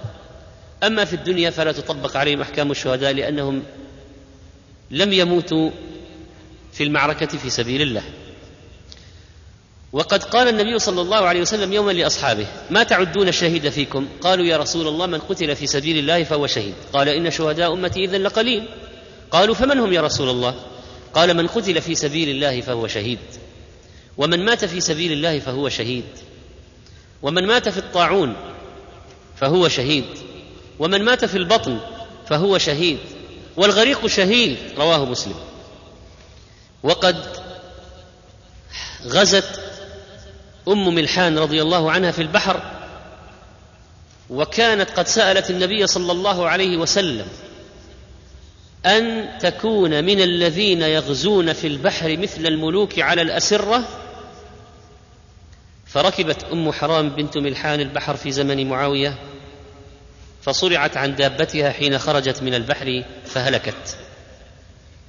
واستدل بعض العلماء بالحديث على أن القتال في سبيل الله والموت في الجهاد سواء كان قبل المعركة أو بعد المعركة أنهم في الأجر سواء. وهذا موافق في المعنى لقوله تعالى ومن يخرج من بيته مهاجرا إلى الله ورسوله ثم يدركه الموت فقد وقع أجره على الله. ثبت أجره. فهذا الذاهب للجهاد في سبيل الله أجره واقع حتى لو ما مات في المعركة. وقال عليه الصلاة والسلام من فصل في سبيل الله يعني خرج فمات أو قتل فهو شهيد. أو وقصه فرسه أو بعيره أو لدغته هامة أفعى عقرب. أو مات على فراشه أو بأي حتف شاء الله فإنه شهيد وإن له الجنة. رواه أبو داود وحسنه الألباني. والموت بالطاعون فيه فضل عظيم. فعن حفصة بنت سيرين قالت قال لي أنس بن مالك بما مات يحيى بن أبي عمرة؟ قالت قلت بالطاعون. قال قال رسول الله صلى الله عليه وسلم الطاعون شهادة لكل مسلم رواه البخاري ومسلم. وعن عائشة رضي الله عنها قالت سألت رسول الله صلى الله عليه وسلم عن الطاعون فأخبرني أنه عذاب يبعثه الله على من يشاء وأن الله جعله رحمة للمؤمنين ليس من أحد يقع الطاعون. فيمكث في بلده صابرا محتسبا يعلم أنه لا يصيبه إلا ما كتب الله له يعلم أنه لا يصيبه إلا ما كتب الله له إلا كان له مثل أجر شهيد. وهذا معناه أن الطاعون رحمة للمؤمنين وشهادة لهم ورجس على الكافر وإذا وقع بالكفار فإنه عذاب عليهم. وأما العاصي من هذه الأمة فهل يكون له الطاعون شهادة أم لا؟ فهذا فيه نظر. وليس من مسلم يقع الطاعون في بلده فيمكث فيها صابرا محتسبا يعلم ويوقن أنه لا يصيبه. إلا ما كتب الله له؟ فإنه في هذه الحالة يكون له أجر شهيد. ويخرج من هذا من هرب من البلد أو قعد فيها وهو على اعتراض وتضجر وتسخط لقدر الله وكراهة لقائه ونحو ذلك فإنه لو مات بالطاعون لا يكون له أجر شهيد. وعن عتبة بن عبد السلمي عن النبي صلى الله عليه وسلم قال: يأتي الشهداء والمتوفون بالطاعون فيقول أصحاب الطاعون نحن شهداء فيقال انظروا فإن كانت جراحهم كجراح الشهداء تسيل دما ريح المسك فهم شهداء فيجدونهم كذلك. رواه أحمد وهو حديث حسن صحيح. ومن الشهداء يعني شهداء الآخرة أيضا الموت بداء البطن. فعن أبي هريرة عن النبي صلى الله عليه وسلم قال المبطون شهيد رواه البخاري ومسلم. وفي رواية ومن مات في البطن فهو شهيد وعن عبد الله بن يسار قال كنت جالسا وسليمان بن صرد وخالد بن عرفطة كنت جالسا وسليمان بن صرد وخالد بن عرفطة. فذكروا أن رجلا توفي مات ببطنه مات مقتولا بمرض في بطنه. فإذا هما يشتهيان أن يكون شهدا جنازته. فقال أحدهما للآخر ألم يقل رسول الله صلى الله عليه وسلم من يقتله بطنه؟ فلن يعذب في قبره؟ فقال الآخر بلى وفي رواية صدقت رواه النسائي وصححه الألباني. البطن بداء البطن. قيل الإسهال وعلى ذلك يكون مرض الكوليرا الذي يسببه ونحوه من الشهادة. وقيل هو الذي به الاستسقاء وانتفاخ البطن مرض يصيب البطن بالانتفاخ حتى يموت. وقيل الذي يموت بداء بطنه مطلقا قاله الحافظ. معنى ذلك أن السرطانات التي تصيب الجوف داخلة في هذا. وكل مرض في البطن يؤدي إلى الموت انفجار زائدة أدى إلى الموت يكون مبطونا. وفي معنى هذا من مات بتليف الكبد مثلا. وقد سئل الشيخ محمد بن صالح العثيمين رحمه الله عن مثل هذا فقال المبطون قال أهل العلم من مات بداء البطن والظاهر أن من جنسه من مات بالزائدة لأنها من أدواء البطن التي تميت. ولعل من ذلك أيضا من مات بتليف الكبد لأنه داء في البطن مميت. ومن الشهداء الذي يموت غرقا أو بانهدام الجدار أو السقف أو البيت أو المسكن أو المبنى عليه. ولعل في معناهم الذين يموتون في الزلازل لأنه تنهدم عليهم ينهدم عليهم ما يموتون به. وقد قال عليه الصلاة والسلام الشهداء خمسة المطعون والمبطون والغريق وصاحب الهدم والشهيد في سبيل الله. والغريق الذي يموت غريقا في الماء وصاحب الهدم من يموت تحته تحت ال... تحت هذا الهدم الذي حصل. ولا بد أن يخرج منهم من ركب البحر البحر لمعصيه ومات مثلا أو ركبه وهو هائج يعلم أن هذا يميت وهو لا يعرف السباحة هذا مفرط. وكذلك فإن الذين يموتون في حوادث السيارات يمكن أن يلحقوا بالهدم لأن الموتات الشنيعة يعني نلاحظ أن العامل المشترك في هذه الموتات أنها ميتات شنيعة صعبة. فقتل حوادث السيارات يرجى لهم أجر شهادة. وقد سئلت اللجنة الدائمة عمن يموت بسبب حادث سيارة. هل له مثل أجر شهيد؟ فكان الجواب نرجو أن يكون شهيدا لأنه يشبه المسلم الذي يموت بالهدم. وقد صح عن النبي صلى الله عليه وسلم أنه شهيد يعني من مات في الهدم. خامسا موت المرأة في نفاسها بسبب ولدها. وفي حديث عبد الله بن عتيك رضي الله عنه عن النبي عليه الصلاة والسلام وفيه والمرأة تموت بجمع شهيد. رواه أبو داود والنسائي وصححه الألباني. وعن عبادة بن الصامت أن رسول الله صلى الله عليه وسلم عاد عبد الله بن رواحة فما تحوز له عن فراشه لم يتنحى لأن السنة في ترك ذلك. فقال أتدري من شهداء أمتي؟ قالوا قتل المسلم شهادة. قال إن شهداء أمتي اذا لقليل. قتل المسلم شهادة والطاعون شهادة والمرأة يقتلها ولدها جمعاء شهادة يجرها ولدها بسرره إلى الجنة. والسرر السرة ما يبقى بعد القطع مما تقطعه القابلة.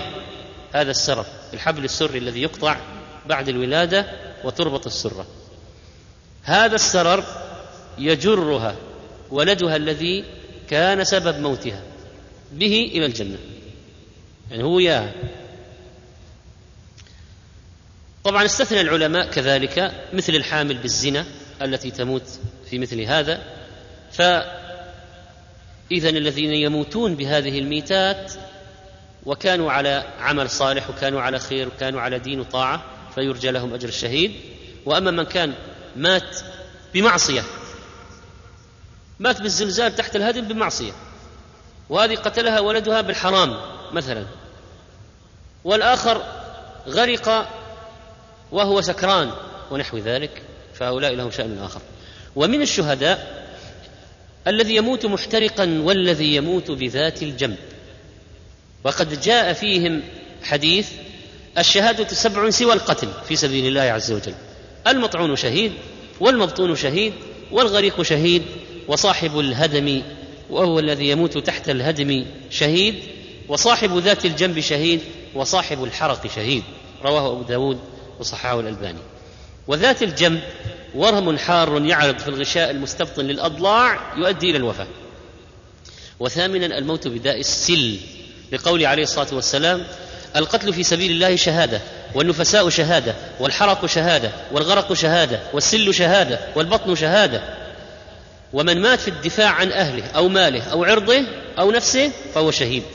قال عليه الصلاة والسلام من قتل دون مالي وهو شهيد فهو شهيد رواه البخاري ومسلم.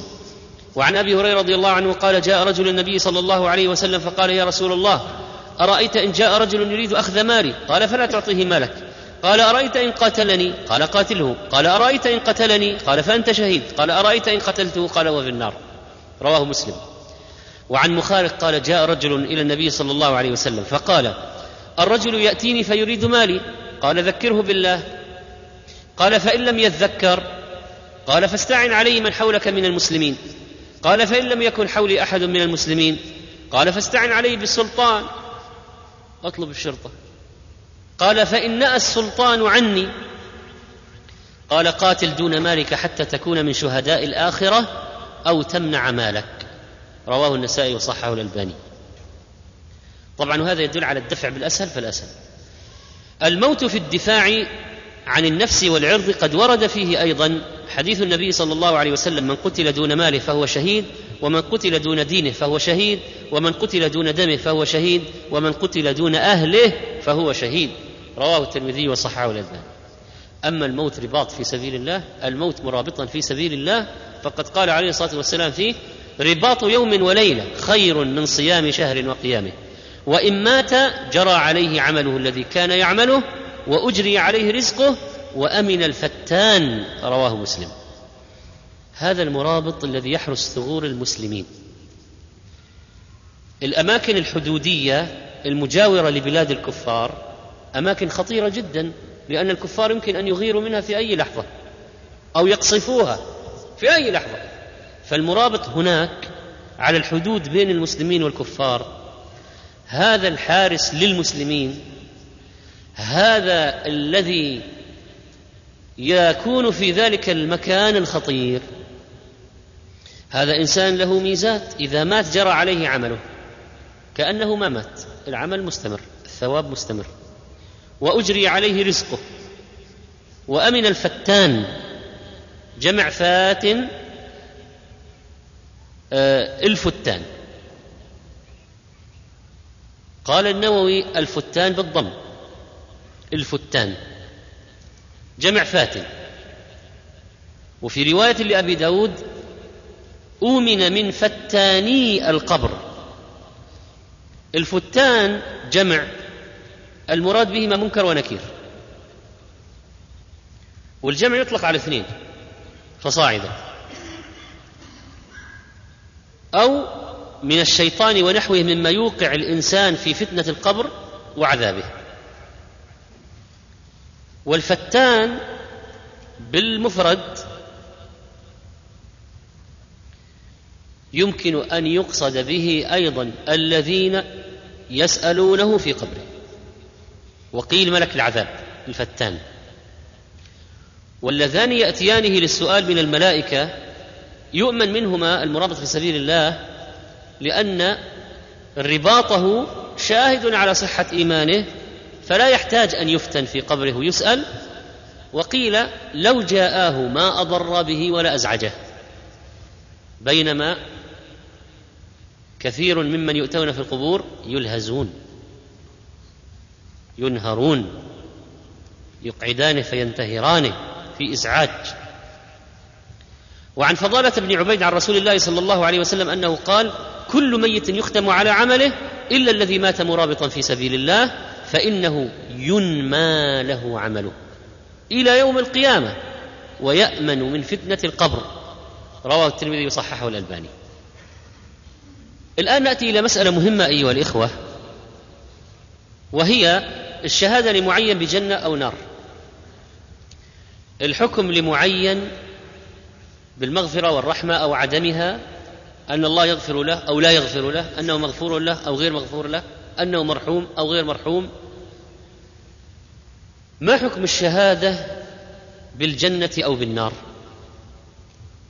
لأن المسألة هذه تتعلق بحسن الخاتمة وسوء الخاتمة. طيب والذي نرى عليه علامة حسن خاتمة هل نحكم له بالجنة؟ والذي نرى عليه علامة سوء خاتمة هل نحكم له هل نحكم عليه بالنار؟ هذه مسألة مهمة لأن معرفتها تقي من الانزلاق أو الانحراف في هذا الباب. فإن بعض الناس ممكن يجزم لشخص بالجنة لعلامة هو يراها في وجهه عند الموت يقول هذا في الجنة. وقد يرى علامة أخرى بعكسها فيقول هذا في النار. فمسألة الجزم هذه لابد من معرفة حكمها. أولا الشهادة بالجنة أو بالنار إذا كانت معلقة بوصف كما نشهد لكل مؤمن بالجنة أو لكل شهيد بالجنة. فهذا بدون تعيين يجب علينا أن نشهد بذلك. نحن نشهد لكل مؤمن بالجنة نشهد للأنبياء بالجنة نشهد للشهداء بالجنة ونشهد للمتقين بالجنة وللصادقين بالجنة ونحو ذلك. قال الله تعالى والذين آمنوا وعملوا الصالحات سندخلهم جنات تجري من تحتها الأنهار خالدين فيها وعد الله حقا ومن أصدق من الله قيلا. إذا واضح من, من الآية أن هؤلاء يدخلون الجنة. وقال سبحانه وتعالى في كتابه العزيز أيضا وقال سبحانه وسارعوا إلى مغفرة من ربكم وجنة عرضها السماوات والأرض أعدت للمتقين. وقال وعد الله المؤمنين والمؤمنات جنات تجري من تحتها الانهار خالدين فيها الآية. وكذلك الشهادة لكل كافر بأنه في النار. من غير تعيين لشخصه. قال تعالى فإن لم تفعلوا ولن تفعلوا فاتقوا النار التي وقودها الناس والحجارة أعدت للكافرين. وقال واتقوا النار التي أعدت للكافرين. وقال وعد الله المنافقين والمنافقات والكفار نار جهنم. خالدين فيها هي حسبهم ولعنهم الله ولهم عذاب مقيم. ثانيا الشهادة المعلقة لشخص معين فنشهد لفلان أو لعدد معين أنهم في الجنة. هذه الشهادة الخاصة الشهادة لمعين. من شهد له الوحي بالجنة شهد لشخص معين أو لأشخاص معينين فإننا نشهد لهم بما شهد به الوحي. ولا يجوز أن نشهد بالجنة أو النار إلا لمن وردت النصوص بالشهادة له. كفرعون وأبي طالب نقولهم في النار. ونشهد أن أبا بكر وعمر وعثمان وعلي وسائر العشرة في الجنة. واختار بعض العلماء أن من أثنى عليه المسلمون من عباد الله الأخيار خيرا فهو في الجنة. إذا استفاضت الشهادة له بالخير فهو في الجنة. قال شيخ الإسلام ابن تيمية رحمه الله. فمن شهد له النبي صلى الله عليه وسلم له بالجنة شهدنا له بالجنة. وأما من لم يشهد له بالجنة فقد قال طائفة من أهل العلم لا يشهد له بالجنة ولا نشهد أن الله يحبه. وقال طائفة بل من استفاض من بين الناس إيمانه وتقواه. واتفق المسلمون على الثناء عليه. كعمر بن عبد العزيز والحسن البصري وسفيان الثوري وأبي حنيفة ومالك والشافعي وأحمد والفضيل بن عياض وأبي سليمان الداراني ومعروف الكرخي وعبد الله بن المبارك رضي الله تعالى عنهم وغيرهم شهدنا له بالجنة لأن في الصحيح وذكر الحديث وجبت وجبت. هذا رأي شيخ الإسلام تيمية رحمه الله. الذي يستفيض بين الناس إيمانه وتقواه ويتفق المسلمون في الثناء عليه ويشهد له أهل العلم والإيمان بالثناء فعند ذلك نشهد له بالجنة. والقاعدة العامة إذن كما قال الشيخ عبد العزيز باز رحمه الله في فتاواه ومقالاته لا تجوز الشهاده لمعين بجنة أو نار أو نحو ذلك إلا لمن شهد الله له بذلك في كتابه الكريم أو شهد له رسوله عليه الصلاة والسلام. وهذا هو الذي ذكره أهل العلم من أهل السنة. فمن شهد الله له في كتابه العزيز بالنار كأبي لهب وزوجته وهكذا من شهد له الرسول بالجنة كأبي بكر الصديق وعمر بن الخطاب وعثمان بن عفان وعلي وبقية العشرة رضي الله عنهم وغيرهم ممن شهد له الرسول صلى الله عليه وسلم بالجنة كعبد الله بن سلام وعكاشه أو عكاشه بن محصن رضي الله عنهم أو بالنار كعمه أبي طالب وعمرو بن لحي الخزاعي وغيرهما ممن شهد له الرسول صلى الله عليه وسلم بالنار نعوذ بالله من ذلك نشهد له بذلك. أما من لم يشهد له الله سبحانه ولا رسوله بجنة ولا نار فإلا لا نشهد له بذلك على التعيين. وهكذا لا نشهد لأحد معين بمغفرة. أو نجزم أنه مغفور له ما نجزم. ممكن نقول على سبيل الدعاء أو المغفور له بإذن الله أو غفر الله له. المرحوم بإذن الله رحمه الله. قال الشيخ وهكذا لا نشهد لأحد معين بمغفرة أو رحمة إلا بنص من كتاب الله وسنة رسول الله صلى الله عليه وسلم. ولكن أهل السنة يرجون للمحسن ويخافون على المسيء. ويشهدون لأهل الإيمان عموما بالجنة عموما بالجنة وللكفار عموما بالنار كما أوضح ذلك سبحانه في كتابه المبين. يقول الشيخ رحمه الله وذهب بعض أهل العلم إلى جواز الشهادة بالجنة أو النار لمن شهد له عدلان أو أكثر بالخير أو الشر لأحاديث صحيحة وردت في ذلك. انتهى كلامه رحمه الله. ما هي الأحاديث التي ورد فيها مثل هذا؟ روى البخاري ومسلم عن أنس بن مالك رضي الله عنه قال مر بجنازة فأثني عليها خيرا. فقال نبي الله صلى الله عليه وسلم وجبت وجبت وجبت. ومر بجنازة فأثني عليها شرا.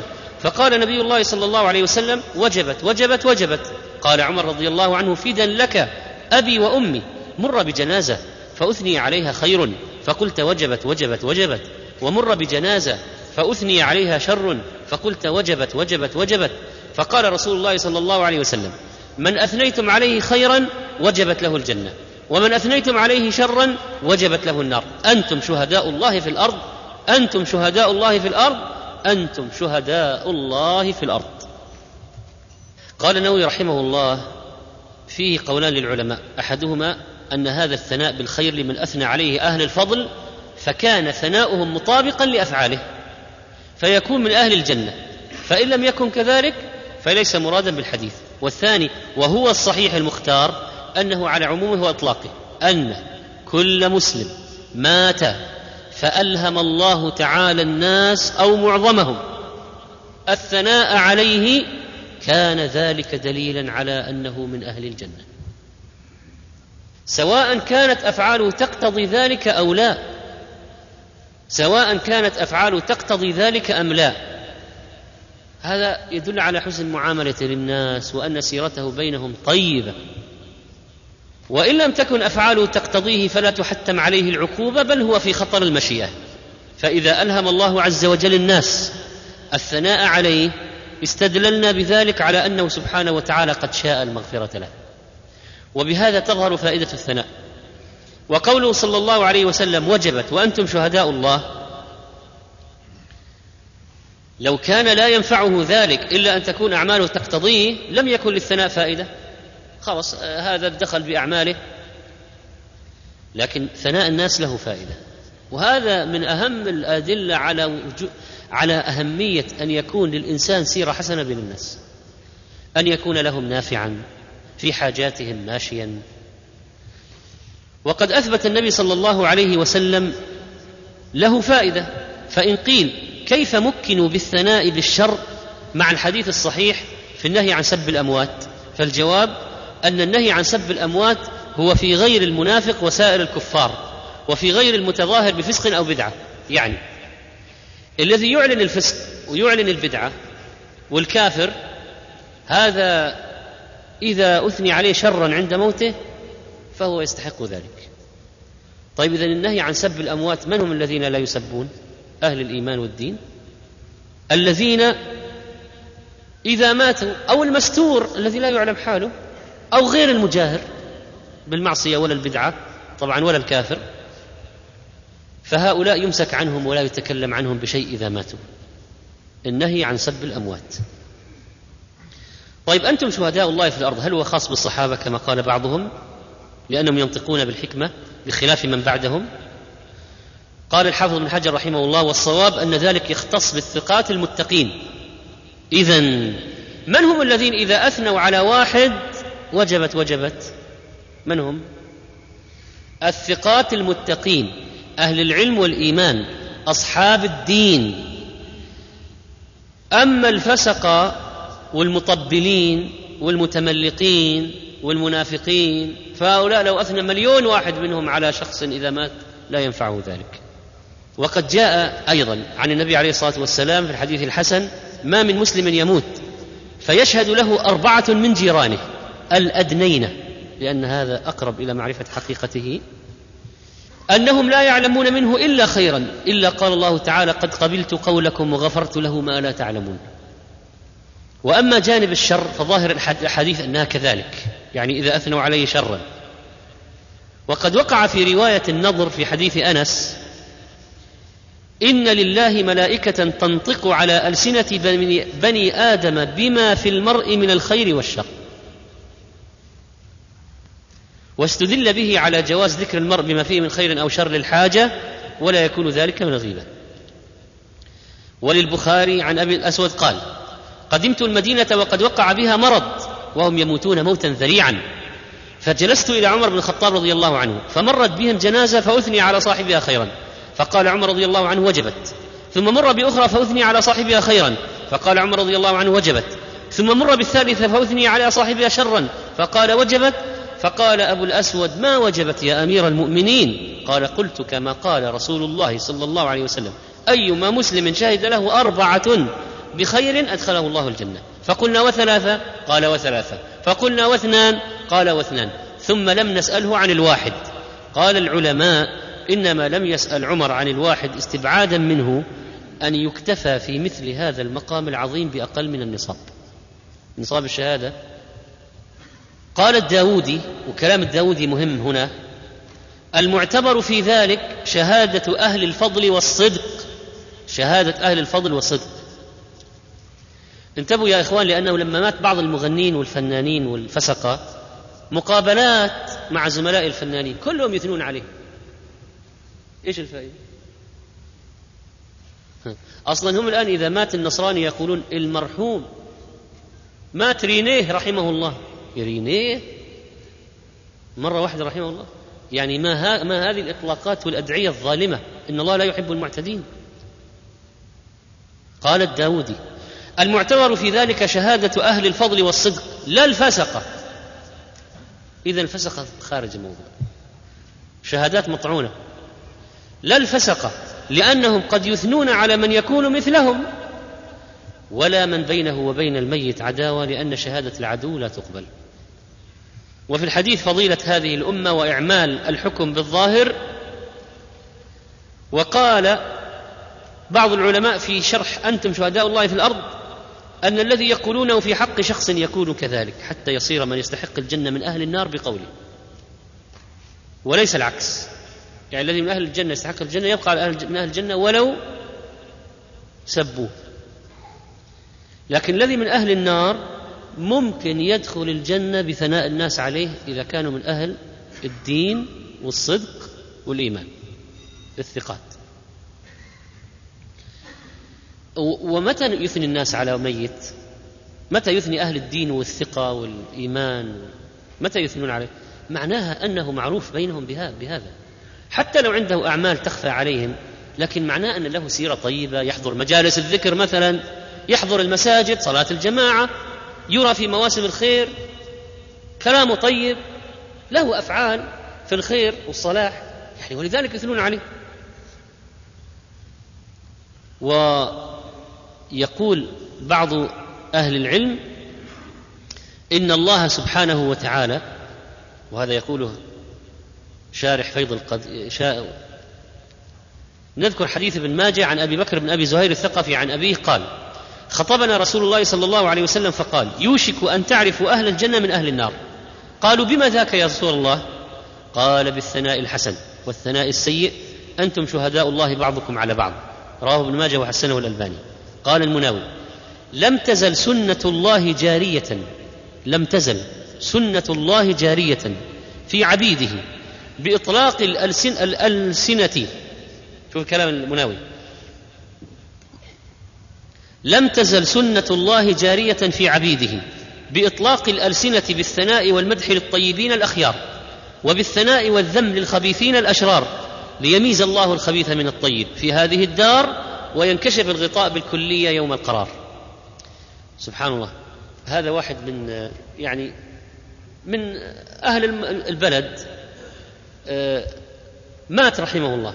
هو ليس معروفا يعني بالعلم والدعوة لكنه إنسان صاحب سيرة جميلة بين الناس وصاحب وتروي ويروح عن المكروب وعنده تواضع وسؤال عن الحال واهتمام وزيارة وحضور مجالس الخير. وصاحب دعابة حتى يداعب الذي يبيع الأسوكة عند المسجد هذا العامل المسكين. لما مات مات قريبا قبل أيام. سبحان الله كل الذين يعرفونه انطلقوا بالثناء عليه بدون لا دعاية ولا أحد قال لهم كلاما ولا طلب منهم شيئا. كلهم انطلقوا بالثناء عليه وجيران وأهل المسجد وجماعة المسجد والذين في العزيز وأهله فيهم مصاب عظيم. يعني البكاء المر الذي يبكيه بناته يدل على أن هذا الرجل سيرته عندهم جميلة ولذلك تأثروا جدا بفقده. حتى وقف هذا الخياط اليماني خارج الدكان يقول فلان هذا متى يمر علينا؟ خلاص ما ما عاد يمر علينا كالعادة بعد الصلاة ويسألنا عن أحوالنا يعني يحزن عليه القريب والبعيد. قال الألباني واعلم أن مجموع هذه الأحاديث الثلاثة السابقة يدل على أن الشهادة لا تختص بالصحابة بل هي أيضا لمن بعدهم من المؤمنين الذين هم على طريقتهم في الإيمان والعلم والصدق. وبهذا جزم الحافظ ابن حجر رحمه الله. قال الشيخ وأما قول بعض الناس عقب صلاة الجنازة ما تشهدون فيه؟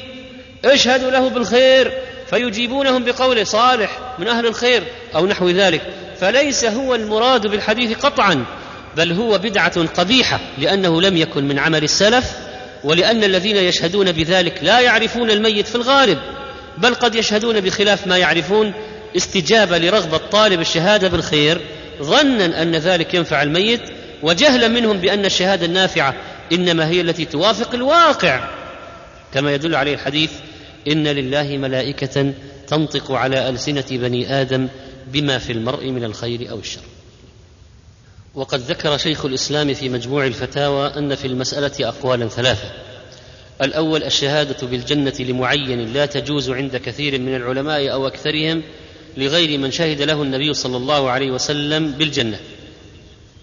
الثاني وذهبت طائفه من السلف كابن الحنفية وعلي بن المديني إلى أنه لا يشهد بذلك لغير النبي صلى الله عليه وسلم. الثالث وقال بعضهم بل من استفاض في المسلمين الثناء عليه شهد له بذلك شهد له بذلك. اذا هذه هي الخلاصة في موضوع الشهادة. من شهد له من أهل الخير والدين واستفاض ذلك واشتهر فقد أجاز بعض العلماء الشهاده له بالجنة. وعرفنا أن شهادة الفساق والمجان لا تنفع. وكذلك فإن من استفاض بين الناس سيرته السيئة فإن فإنه مهما انتشر في وسائل الإعلام الثناء عليه فلا ينفعه ذلك. ولذلك يعني إذا أخذت على قضية ثناء الكفار والفساق فهم قد يثنون على مغنية على ممثلة مثلا على من؟ هو معلن بفسقه. فنقول هذا لو أثنى الملايين عليه. المعلن بالفسق أو الكفر. كما حصل يوم موت ديانه الهالكة كم أثنوا عليها؟ وعلى صاحبة القلب الرحيم وصاحبة أعمال المعروف وصاحبة وصاحبة وماذا ينفع ذلك؟ إذا قضية الثناء من هؤلاء الكفار أو الفساق أو الذين يحبون الكفار أو الذين يعجبون بهم إن هذا الثناء لا قيمة له. مهما انتشر واستفاض في الوسائل المسموعة والمرئية والمقروءة لا ينفع ذلك. الذي ينفع ثناء أهل الدين والعلم والإيمان على الميت أو الميتة. وثناء الجيران لاحظنا من النصوص أن له مكانة خاصة لأسباب منها أن الجيران يعرفون عن جارهم ما لا يعرفه الآخرون. وثانيا أنه إذا أثنوا عليه فمعناه أنه محسن إليهم والإحسان إلى الجار قد أوصى الله به وأكد عليه. وكذلك فإن من الفخر الذي ينبغي على الإنسان أن يصل إليه أن يدخل في ضمن الشهداء. يعني أن يكون من أهل الدين والعلم والإيمان. والخير والفضل والعبادة الذين تقبل شهادتهم. لأنه لو عرف أنه يكون ممن يقبل الله شهادتهم بهذا النص إذا عرف هذا النص تحمس أن يدخل في سلكهم ويكون معهم ومنهم. وكذلك فإن هذا يدل على فضل المؤمنين عند ربهم. وكرامتهم عنده حيث جعل شهادتهم تنفع أخاهم في الدنيا. شهادتهم في الدنيا تنفع غير الشفاعة يوم القيامة.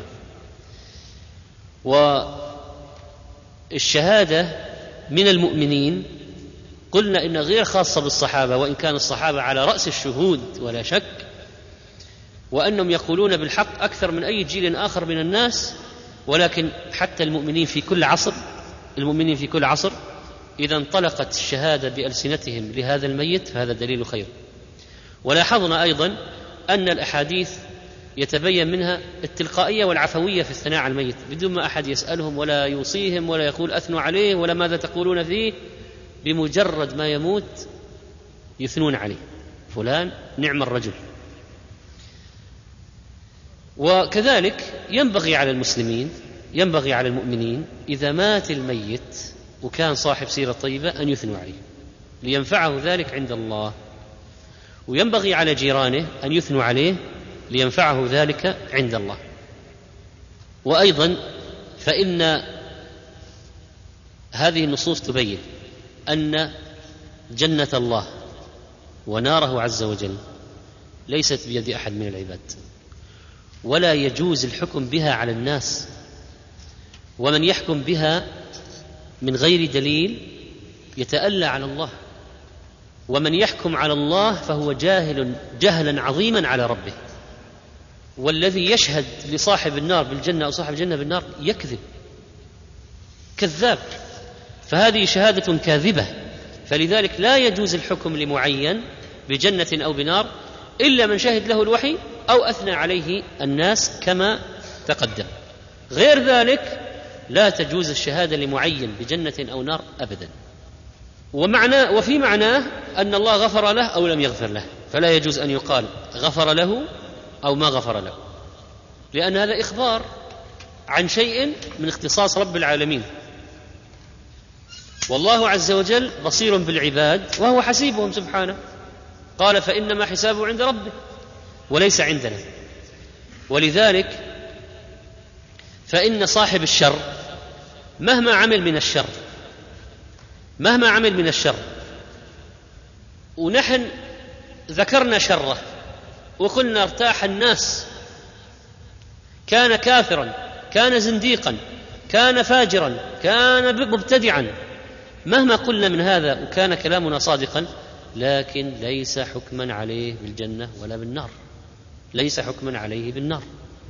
وهنا قد يسأل بعض الناس فيقولون طيب الذين ماتوا على الكفر من أرباب الزيغ والعناد والإجرام في العالم أيضا لا نحكم عليهم؟ وهذه المسألة قد ثارت لما مات بعض الكفار كستالين وبرجنيف وغيرهم وبيجن وغير من الهالكين. هل يحرم علينا الحكم عليهم بالنار؟ فالجواب نعم يحرم علينا الحكم عليهم بالنار. إنك لا تدري على أي شيء مات. لما مات ماذا كان في قلبه؟ الله أعلم. ما تدري. ولذلك نحن لا نحكم عليهم بالنار ونقول فلان في النار. ولكن آه، نثني عليه شرا تحذيرا منه ومن أشكاله وردعا لأمثاله. نعم أثني عليه شرا. وقل كان من فظائعه وجرائمه وسيئاته كذا وكذا وكذا. وهذا الثناء بالشر عليه يردع غيره ممن هو على مسلكه. واستثنينا من الثناء بالشر من؟ المسر بالمعاصي ومستور الحال ونحوهم من المسلمين والمخلطين. وقلنا إنه إذا إذا تكلمنا عن ميت بسوء نتكلم عن الكافر. المبتدع المجاهر بالفسق. وأما إنسان مات له معاصي بينه وبين الله ليس بصاحب بدعة معروف ولا صاحب كفر نتركه نتركه ولا نتكلم فيه بشيء. أمره إلى الله. ومن جواب الشيخ ابن باز رحمه الله قال نرجو للمحسن ونخاف على المسيء. نرجو للمحسن نرجو له الجنة. ونخاف على المسيء من المسلمين نخاف عليه. أن أنه يناله عذاب الله. فإذا لا يعني هذا أيضا ترك الدعاء للعاصي. فإن العاصي لو مات يجوز الدعاء له بالمغفرة والرحمة. وحتى لو كان صاحب معاصي كثيرة وأسرف على نفسه بالمعاصي فإن هذا لا يعني منع الدعاء له بالمغفرة والرحمة. بل حتى المنتحر مثلا يصلى عليه ويدعى له بالمغفرة والرحمة ما دام مسلما ما دام مسلما. لكن نخشى عليه. نخشى عليه للنصوص التي وردت. وكذلك فإن الشهادة كلمة شهد فيها إعلان وجهر بالكلام وليس مجرد آه، أن تبقى في النفس حبيسة. فإذا الأحاديث التي فيها شهد يعني كلام يسمعه الآخرون. فمن أبقى الكلام في نفسه فقط فلا يعتبر أنه قد شهد. ومن قالها ولا يسمعه أحد لكن من قالها عند الناس هذا شهد. هذه جملة وطائفة من الأحكام المتعلقة بقضية الشهادة للمعين بالجنة أو بالنار لأنه لأنه يقع فيها زلل وأخطاء